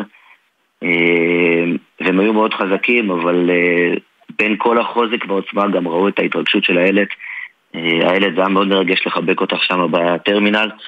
נכון. הרגשתי את, ה, הרגשתי את הלבבות של שנינו מתחברים, ומשם זה פשוט היה, באמת, לפחות בשבילי, אה, זכות גדולה וכבוד גדול לקחת את המשפחה אחרי כל מה שהיא עברה ובעצם לתת את מה שאני יכול בצד שלי יחד עם אלעל ולהביא אותם למשחק הזה בלונדון. מה שמעניין זה שליברפול ממש יוצרת איתכם קשר, לוקחים אתכם לסיור באנפילד, היום אתם אורחי הקבוצה כאמור, הסיפור של נטע מופיע בתוכניה. איך נוצרה התקשורת מול אה, הקבוצה עצמה?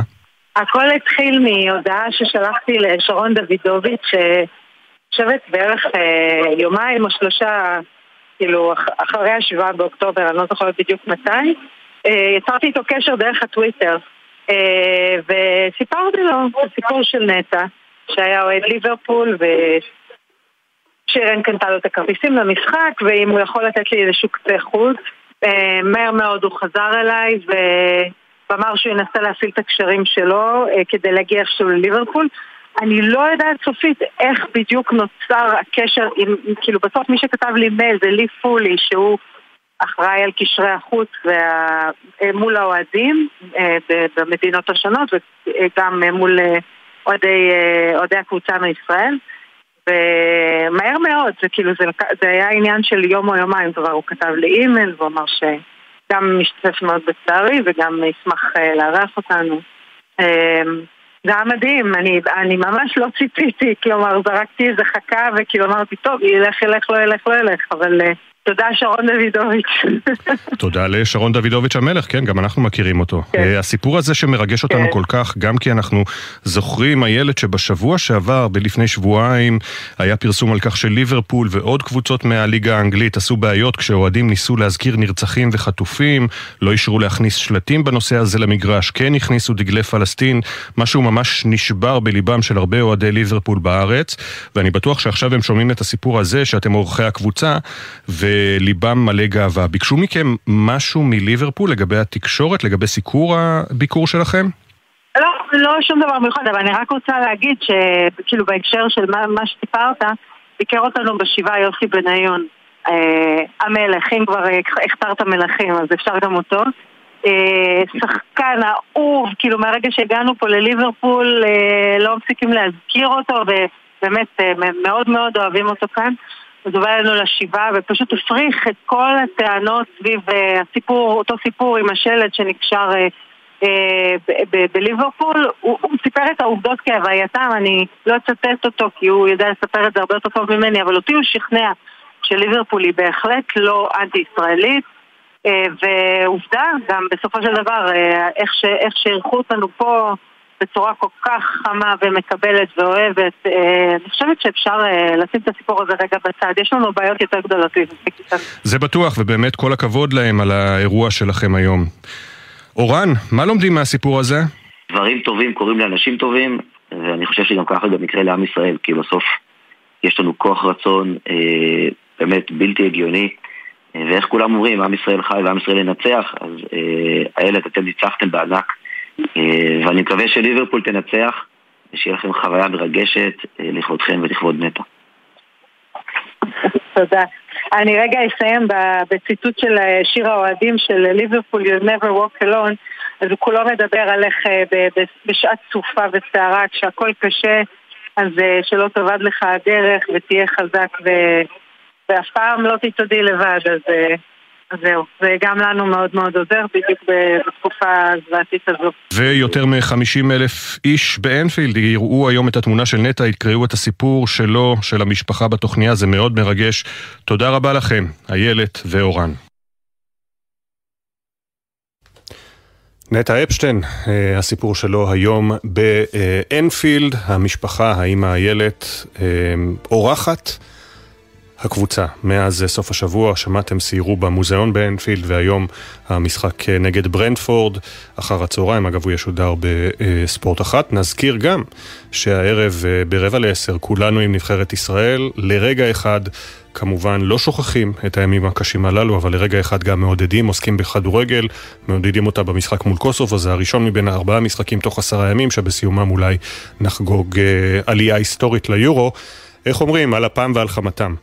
אה, העורך הראשי של בוקר טוב ישראל הוא שרון קינן. עורך המשנה אביתר בר-און, המפיקה הראשית של בוקר טוב ישראל, גם הבוקר אורי שילה, לצידה שני שטיבלמן, על הביצוע הטכני בן שני, בפיקוח הטכני דני אור, עורכת הדיגיטל הדר ברלין, תודה גם למשה טורקיה, אחרינו ספי עובדיה ויניר קוזין. אנחנו מזכירים לכם, בני משפחות, חברים מוזמנים לכתוב לנו סיפורים ולשלוח גם תמונות לפרויקט מאחורי השמות שלנו, שמשודר מדי בוקר בערך ב-6 ו-40, כאשר אנחנו מביאים סיפורים קצרים, אנקדוטות על כל אחד ואחת מהנופלים ב-7 באוקטובר ובמלחמה שפרצה מאז. זיק, כתובת האימייל שלנו, זיכרון עם K, זיכרון, שטרודל, glz.co.il. אנחנו ניפגש פה בבוקר טוב ישראל, מחר יום שני, שש בבוקר, עוד יבואו ימים טובים יותר. בוקר טוב ישראל.